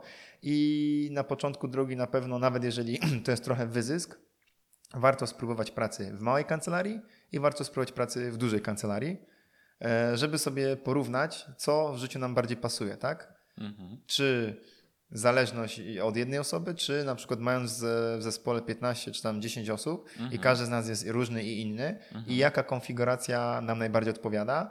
No ja jedyne czego w swoim życiu nie doświadczyłem e, to tylko chyba praktyki w jakimś urzędzie, mhm. więc tutaj nie mam przełożenia, ale i była duża kancelaria i była mała kancelaria. Mm, no i przede wszystkim myślę, że zawsze działać e, nad niezależnością, tak? Żeby starać się promować siebie przede wszystkim, że jakość usług się powinna obronić. Mamy znajomych, rozmawiajmy z nimi, mówmy, że jeżeli byłaby taka potrzeba, to robimy to, co robimy. I to jest jak gdyby taka właśnie sprzedaż siebie twarzą w twarz jest chyba taka najbardziej e, sprawdzona. E, plus ewentualnie mówię, no specjalizacja jakaś, e, jak mamy pomysł na jakąś specjalizację, która jest niszowa, no to to jest złoty strzał. No i niestety nastawienie się, że nie będzie takich y, złotych jaj od samego początku, tylko trochę trzeba na tym y, napracować. Nie? No i jeżeli macie możliwość umowy o pracę, no to na początek na pewno nie generuje Wam to kosztów, więc to też jest fajna sprawa, bo ja na początku jakoś tak podchodziłem do tego obojętnie, ale jeżeli mielibyście możliwość umowy o pracę, no to to polecam, żeby sobie zobaczyć, bo zawsze jak zmienicie zdanie, to Wy decydujecie, kiedy powiedzmy chcecie to zrobić, a przy zleceniu jednak no E, no jest to troszkę cięższe. Nie? Mhm. A czego tacy początkujący prawnicy powinni unikać? Unikać e, próby jakichś takich właśnie zdobywania klientów na zasadzie nie do końca zgodnych z literą prawa, czyli jakieś tam e, polecenia przez, zdarzało się jakieś ulotki na przykład przed sądami czy przed jakimiś organami, bo to są kwestie, które potencjalnie mogą jakiegoś klienta przynieść, ale w praktyce to jest działanie na krótką metę, tak? To, co bym jeszcze polecał, zanim unikamy, to jeżeli macie kogoś, z, kom, z kim na studiach gdzieś współpracowaliście, czy na aplikacji, spróbujcie może podziałać razem, tak? Jak jest was więcej, dzielicie koszty, tak może się udać, może się nie udać, bo to jest tylko biznes. Tak. E, ja z różnych względów też na przykład już teraz nie jestem partnerem e, kancelarii, ale uważam, że wspólnota to jest większa wiedza, wspólnota to jest możliwość e, tak zwanej burzy mózgów, a idealną sprawą jest, bo to jest jak w przykładzie, jak w jednym mieście był tylko jeden prawnik, klepał biedę, jak pojawiło się dwóch, to jeden i drugi żyli jak królowie, więc czasami wymiana naszych poglądów jest czymś niesamowitym, że możemy sobie porozmawiać o tak, przy kawie, jakbyś to zrobił i myślenie i postrzeganie różnych jak gdyby e, prawniczych, ale różnych głów. A unikać, no to bym przede wszystkim y, myślę, że y, no, złych, e, złych promocji, złych kontaktów, czyli to, czego unikajcie, to nie wszystko e, po najniższych kosztach, tak? Budujcie sobie markę. Jeżeli jest ciężko przeżyć, no to ja rozumiem, ale nie wygryzajcie z rynku albo nie wiem, nie, nie uderzajcie w stawki, tylko starajcie się budować jak gdyby gdzieś tam swoją markę na bazie może być trochę, trochę chudszych lat, ale nie konkurujcie tylko ceną, bo to się Wam potem w przyszłości czknie, bo klient się potem też tak uczy i potem nagle, żeby cena nie była tylko jedynym decydującym e, tutaj czynnikiem. Nie? Mhm, mhm. I to, co mówisz, e, Marcinie, że ty jesteś w mniejszej miejscowości w Koninie. E, ile tu jest mieszkańców? 85 tysięcy? 85 tysięcy. No to nie jest takie wcale mała, nie jest wcale taka mała, mała miejscowość. Dla ciebie jest to zaleta, mhm. że ty jesteś w tym miejscu, ale wielu by postrzegało jednak to e, pracę w takiej mniejszej, mniejszej miejscowości, czy prowadzenie kancelarii jako jednak wadę, bo jest mniej po prostu klientów. Znaczy, powiem tak, decyzja była prosta, bo moja żona, e, przyszła żona wtedy, miała mega super ekstra pracę w Poznaniu. E, ja byłem e, aplikantem u super ekstra e, patrona, ale no wiadomo, miałem możliwości zarobkowania dodatkowe, ale to też nie było jakieś cudy, więc moja żona zarabiała więcej niż ja, jak byłem na aplikacji, więc był pewien dyskomfort, ale ja założyłem właśnie tak. Mniejsza miejscowość, więcej kontaktów plus dodatkowo to, że łatwiej jest przez jednego, przez drugiego, bo tych kancelarii tutaj jest też kilkadziesiąt, tak? Ale gdzieś podświadomie wiedziałem, że ten tort łatwiej jest ugryźć w mniejszej miejscowości niż rzucać się jak wszyscy ci, którzy wchodzą na przykład w Poznaniu, które jest du dużą aglomeracją, tak? Możliwe, że jakbym od początku prowadził kancelarię w Poznaniu i tylko tam był, no to też bym to inaczej trochę postrzegał. Ale tu wiedziałem, że mam tak zwane swój, e, sw swoje tyły, czyli znajomych z liceum, z podstawówki, różne osoby, które tu jakieś biznesy prowadzą i stwierdziłem, że w Koninie spróbujemy w Koninie, bo tutaj wiedziałem, że to jest to przeznaczenie, że mniejsza miejscowość, ale że damy radę. No i się okazuje, że dla mnie ten e, model się sprawdził, tak? Chociaż mhm. nie ukrywam, że mówię, teraz współpracuję, byłem partnerem w Kancelarii Poznańskiej, współpracuję e, z e, Kancelarią z Poznania, ale wszystko jak gdyby na naszym terenie się tutaj mhm. odbywa, więc no mam poczucie tego, że mniejsza miejscowość to jest też więcej czasu na różne inne rzeczy, bo jak ostatnio dojeżdżałem na spotkanie do Poznania, to do Poznania dojechałem w 35 minut, a na mediację jechałem jeszcze z Poznania godzinę. I 35 minut szukałeś miejsca parkingowego. Tak. Więc to też są to takie. Jest, tak, duże miasta są okropne.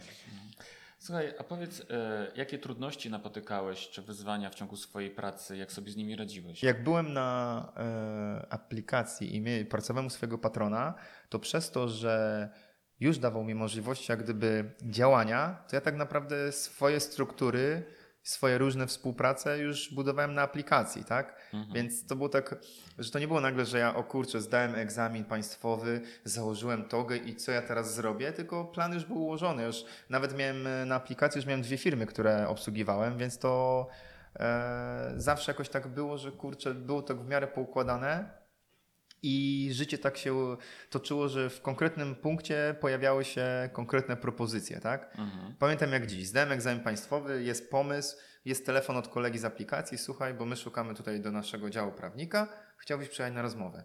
I to, co jeszcze mogę życzyć wszystkim y, tym osobom, które rozpoczynają swoją drogę, to rozmowy kwalifikacyjnej, która może być, a nie musi.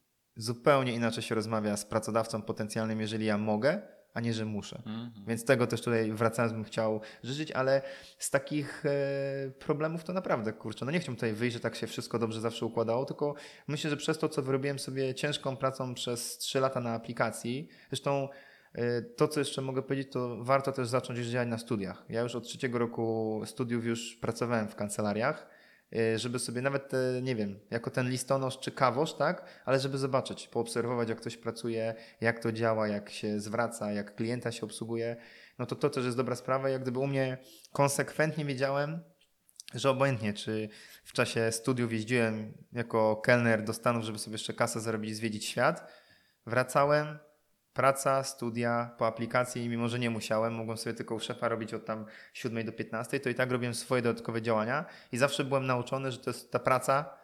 No i to spowodowało, że mówię, jak stanąłem po y, egzaminie państwowym, to ja nie miałem, jeden, jeden, jeden problem było to, że już y, byłem radcą prawnym, a jeszcze nie mogłem się podpisywać jako radca prawny i to powiedzmy te trzy miesiące, na które czekałem na wpis, to był problematyczne, uh -huh, uh -huh. bo oni już chcieli, tak. żebym ja już podpisywał i y, tak. za zgodność już klepał, bo byłem już potrzebny, nie? Tak. Ale to był jedyny taki mały problem, a tak to gdzieś tam zawsze to się tak układało, że no nie wiem, no problematyczne do rozważenia to jest jak zakładasz kancelarię i wiesz, że robisz koszty, wiesz, że kogoś zatrudniasz i on jest od, od ciebie jak gdyby zależny, ale też wiesz, że ty wtedy musisz tak zrobić, żeby na niego jeszcze zarobić, nie? Tak jest. To to był taki problematy, taki jeden z tych takich dylematów, ale tak to no to jakoś tak siłą rzeczy powiem ci zawsze się wszystko układało, a poza tym może to jest trochę u mnie tak freudowskie, takie wyparcie, bo staram się wiesz tylko pamiętać dobre rzeczy, a... I właśnie to chciałem powiedzieć, że być może ty masz taką osobowość, że wiesz, że wszystko postrzegasz z tej innej perspektywy, nie? Nawet, nawet, wiesz, nawet porażkę można postrzegać jako, wiesz, jako dar od losu, nie? Bo się czegoś tam możemy nauczyć i w ogóle przeżyć całe życie i nie myśleć w ogóle o tym, że my jakiekolwiek porażki ponosiliśmy. Ale, to, ale zostawmy to, mhm. zostawmy to. Powiedz, e, co jest według Ciebie najważniejsze w obsłudze klienta? Uczciwość, podejście i rozłożenie tematu, jak to wygląda, jak to może wyglądać, jakie są zagrożenia na przykład przy podjęciu danej czynności i terminowość, bo dzisiaj żyjemy w czasach McDonalda, wszyscy i trzeba tego przestrzegać, a jak masz kilkadziesiąt podmiotów, to tu jest ciężko, a klient niestety dzisiaj bardzo zwraca na to uwagę. E, I przede wszystkim e, dobre relacje. Nie dać sobie wejść na głowę, ale też jeżeli klient potrzebuje, bo nasz zawód jest taki specyficzny, bo to nie jest tylko to, że przyjdź, kasa, pozew, do widzenia. Tu jest dużo empatii. I tutaj czasami sprawa klienta jest dla niego, trzeba pamiętać, najważniejszą, mimo że tych spraw w ciągu dnia mamy 15, które są najważniejsze. Dla niego to jest najważniejsze. Klient czasami potrzebuje tylko, żeby go wysłuchać. I on jest zadowolony, bo mógł powiedzieć, ty go wysłuchałeś i tu trzeba znaleźć dziś ten wspólny mianownik, tak? I, i tyle chyba. No i, i uczciwość mówię, wobec siebie, wobec klienta, żebyśmy zawsze mogli wiedzieć, że decyzje, które podejmowaliśmy i rzeczy, na które się godziliśmy, powodują, że jak rano wstaniesz, to możesz spojrzeć w lustro, tak? Mhm. To jest takie chyba najważniejsze i ja mówię, pewnie takim poglądem e, mógłbym dzisiaj być gdzieś dalej zdecydowanie finansowo, ale wiem, że pieniądze to nie wszystko i mhm. żebym mógł sobie zawsze spojrzeć w twarz i znaczy w lustro i spojrzeć na swoją twarz i wiedzieć, że to to nie było jakieś przekłamać, tak? No ale to jest taka trochę pewnie małomiasteczkowe podejście, bo tak jakoś mam, że nie mam z tym problemu, że jestem czy z mniejszej miejscowości, czy zawsze miałem taki dystans do tych wszystkich rzeczy i to jest tak chyba jakby powiedziałeś, że dla kogoś to byłby ogromny na przykład porażka, tak, a ja wyznaję słowa mojej babci. Jak ci zamknęli drzwi, to weź oknem. No i... Mm -hmm, mm -hmm. E, co według ciebie każdy początkujący prawnik powinien przeczytać? No powiem tak, tych książek jest multum i zawsze mnie to fascynowało, zawsze... Lubisz czytać? Uwielbiam. No. Uwielbiam czytać. Pamiętam słowa mojej polonistki, e, które notabene e, okazało się to Paulo Coelho gdzieś tam napisał, że powiedz, chyba, nie, nie, e, nie Paulo Coelho, bym teraz album spalił. Powiedz mi, co czytasz, a powiem ci, kim jesteś. Oj, nie wiem, kto to powiedział. No i właśnie synka zawsze ten, kto to powiedział i on by nawet wiedział, ale to dobra, mało istotne. I jako właśnie na studiach miałem jeszcze więcej tego czasu, to uwielbiałem retorykę prawniczą, mhm. jak zostać prawnikiem, tak? Mhm. E, albo warto zostać prawnikiem, jakieś takie wspomnienia adwokatów, e, z prokuratorów, jakieś wspomnienia takie różne. No teraz tego na rynku jest, e, tych książek jest niesamowicie dużo, więc na pewno próbujemy się skupiać na tym, co nas interesuje, ale mnie zawsze właśnie pociągało takie retoryka, cyceron, takie dzieła, mhm. że tak powiem, różne. No.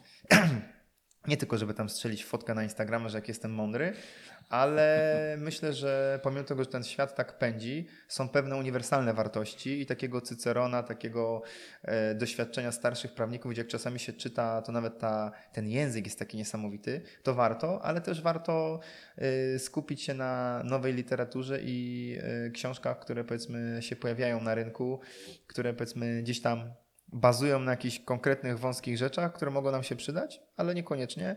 A poza tym ja mam coś takiego, że mam słabość do zwykłej książki. Nie mogę się przerzucić na tam te różne czytniki czy coś. Tak. Lubię, kurczę, potrzymać, papier, potykać papier tak, i tak. tak konkretnie, żebym tobie powiedział, te wszystkie tytuły to jest na pewno ich mnóstwo i w całej tej mojej bibliotece też tego trochę, ale to zawsze się kierowałem tym, co mnie interesowało. Kogoś czytasz książkę i nagle się okazuje, że on tam jakieś inne podaje, powiedzmy w przypisach coś, co może ciebie zainteresuje, tak? E, dużo z prawa rzymskiego też gdzieś tam swojego czasu miałem, bo to mnie strasznie fascynowało. A teraz no nie ukrywam, że uwielbiam czytać, ale to też jest taka, takie dobro, tak? E, bardzo niematerialne, ale no jest e, ciężko znaleźć ten czas, bo jak już tu jeszcze biegasz, coś, coś, ale staram się generować tak 15 minut dziennie, żeby coś poczytać. No a literatura prawnicza cały czas mnie fascynuje, bo to jest rzecz, gdzie uczysz się od innych, ich obserwacji, i mówię, no, w naszym świecie y, wszystko zostało wymyślone. Oczywiście jakieś tam drony, latające samochody, tak, ale chodzi mi o samą jak gdyby kwestię przekazu. To, to są uniwersalne wartości, które powstały, więc można do tego wracać i nawet jak y, czyta się jakieś starsze dzieła, tak, no to jest kurczę takie przekonanie, że ej, oni już w tamtych czasach tak wiedzieli, nie?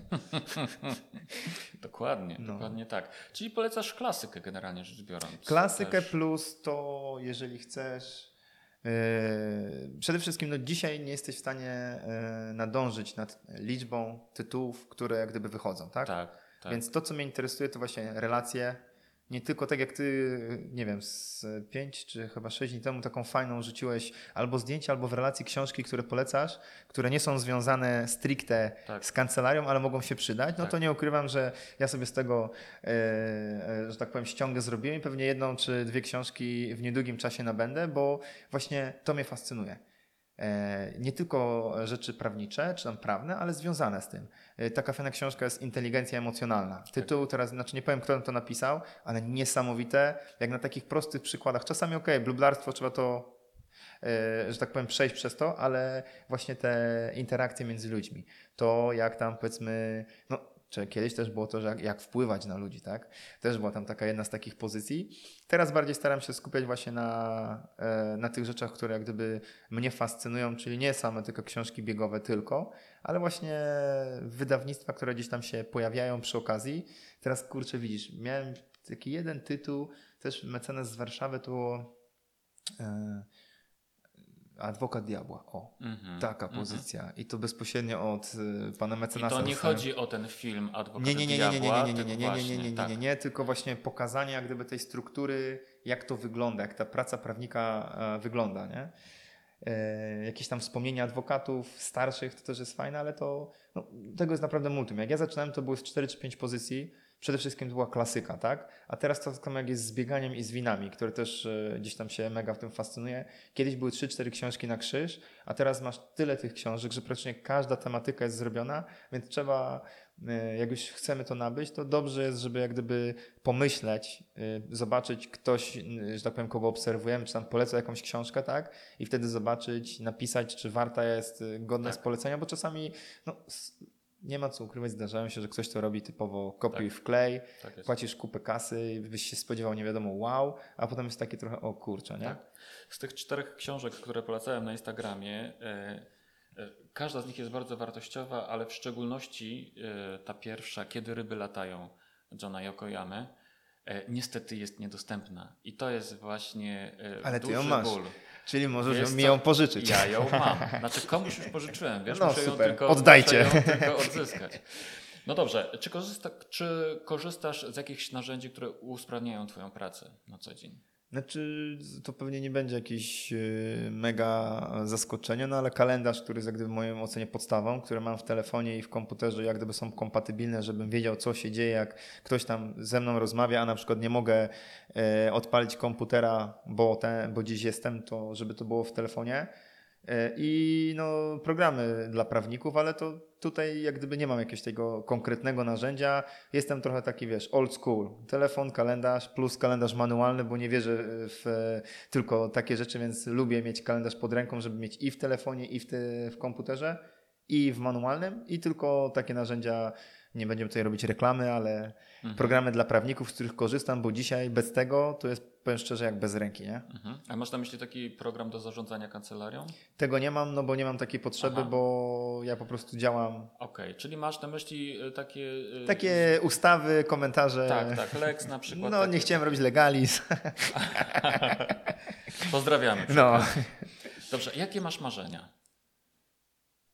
Zrobić 7 e, maratonów na 7 kontynentach, World Majorsa, e, zebrać tyle pieniędzy, żebyśmy mogli e, zamknąć projekt Osada Janaszkowo, nabyć BMW GS 1200, bo w mojej, w moich krwi płynie też benzyna, ale z racji na dzieci musiałem chwilowo pasję zawiesić moją cudowną żonę, pokazać jej Stany Zjednoczone i zrobić motocyklem coast to coast, czyli od wybrzeża do wybrzeża. I co? No chyba na razie to tyle, bo tak nie chciałem przesadzać, ale... Czyli masz konkretnie już jakby wyznaczone te plany, tak? Marzenia. Ja wyznaję... Zasadzie, no. Ktoś kiedyś, nie, nie, teraz pewnie jakąś gafę popełnię, bo nie... Jakub Brzęczek, Jakub Brze... Bączek. Bączek. Super rzecz mówi. Marzenia się spełnia. I ja pod tym się podpisuję. Nie, że marzenia się spełniają, nie. Tak. Marzenia się spełnia. Więc jeżeli pytasz dzisiaj, to ja ci mówię te powiedzmy szersze, że jest takie spektrum. Tak. Oczywiście jest kilka pomniejszych, y, czasami są to niematerialne, nie mamy na to wpływu, ale trzeba mieć jakieś marzenia, które się po prostu spełnia. Ja taką zasadę wyznaję. Prędzej czy później, ale się je spełnia. No i Jasne, że tak. No w życiu po prostu trzeba mieć cele, tak? Gdybyśmy tak wszystko mogli sobie spełnić tak po prostu od, no. to, to co to by było za życie? Tak? Jednym z takich jeszcze marzeń to na przykład jest mała hacienda na, w Toskanie, jak już będziemy starsi, e, dzieci będą odchowane, to żeby na przykład sobie tam, wiesz, na 2-3 miesiące po prostu wyjechać, tak po prostu o, wyłączyć się z tego pędu, który cały czas jest i tylko usiąść, cieszyć się tym pomidorem zerwanym z ogródka, czy tam tą pyszną bazylią, bo to są rzeczy, które po prostu no, zostają w głowie na zawsze i to jest jedno z takich moich marzeń i zobaczymy, tak, no, jak to wszystko się poukłada, ale to są takie, jakbyś tak powiedział, no to mam listę mam przygotowaną, bo siedzą mi w głowie i gdzieś tam jest ta wizualizacja i jest dążenie do e, tego celu. Z takich najbardziej przyziemnych marzeń to chyba spłacenie kredytu i mieć świadomość, że już mogę powiedzieć, że dom nie jest banku, tylko że jest nasz, na przykład, tak? I zobaczyć, jak to jest, jak kurde wiesz, że to jest faktycznie twój dom, a nie banku. Marcinie, i tego wszystkiego Ci bardzo serdecznie życzę. Dziękuję Ci bardzo za rozmowę. Ja tylko przypomnę, że moim gościem, moim, Waszym, naszym gościem był e, pan mecenas Marcin Janiak, e, znany jako prawnik w biegu, osoba przesympatyczna, e, kreatywna i tak dalej. No ja bardzo dziękuję za zaproszenie. Y, powiem szczerze, że to jest też niesamowite, że kiedyś na początku swojej drogi spotykam Ciebie w internecie, a potem okazuje się po iluś latach, że będę u Ciebie. No to, to też jest niesamowite, dlatego bardzo Ci dziękuję za to zaproszenie i za to, że przyjechałeś specjalnie, bo to się rzadko zdarza, więc to powiem szapoba. Ja byłem przekonany, że Warszawka welcome to, a tutaj jednak poświęcasz też swój czas i przyjeżdżasz, więc też to jest mega super i nie ukrywam, że gdzieś tam chwyta za serce, że w tych czasach jeszcze takie rzeczy się zdarzają, że się Tobie się się chce i że naprawdę to zrobisz fajną robotę. I to, o czym dzisiaj mówiłeś na Instastory, czyli o tej waszej fundacji, to, to jest coś niesamowitego, więc będę mocno kibicował i też postaram się jakoś wspierać.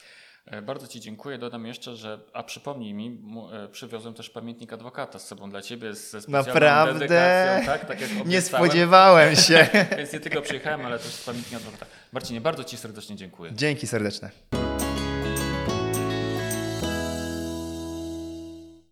Dziękuję Ci, że posłuchałeś czy posłuchałaś kolejnego odcinka podcastu w drodze do kancelarii. Zachęcam Cię do wyrażenia swojej opinii o podcaście na urządzeniu czy aplikacji, na której słuchasz tego podcastu. E, proszę Cię także o polecenia w mediach społecznościowych, czy też wśród dobrych i najlepszych Twoich znajomych. Każde polecenie i każde dobre słowo są dla mnie na wagę złota i pomagają mi szerzyć wiedzę i doświadczenie w zakresie prowadzenia kancelarii prawnej w naszej branży. Ja osobiście słucham innych podcastów za pomocą aplikacji Podcasty w swoim iPhone'ie. Ale Ty możesz słuchać tego podcastu w różny inny sposób, także wchodząc na stronę www.wdrodze-do-kancelarii.pl. Dziękuję Ci jeszcze raz słonecznie i webleksowo i życzę Ci dobrego dnia. Do usłyszenia, mówił Rafał Chmielewski.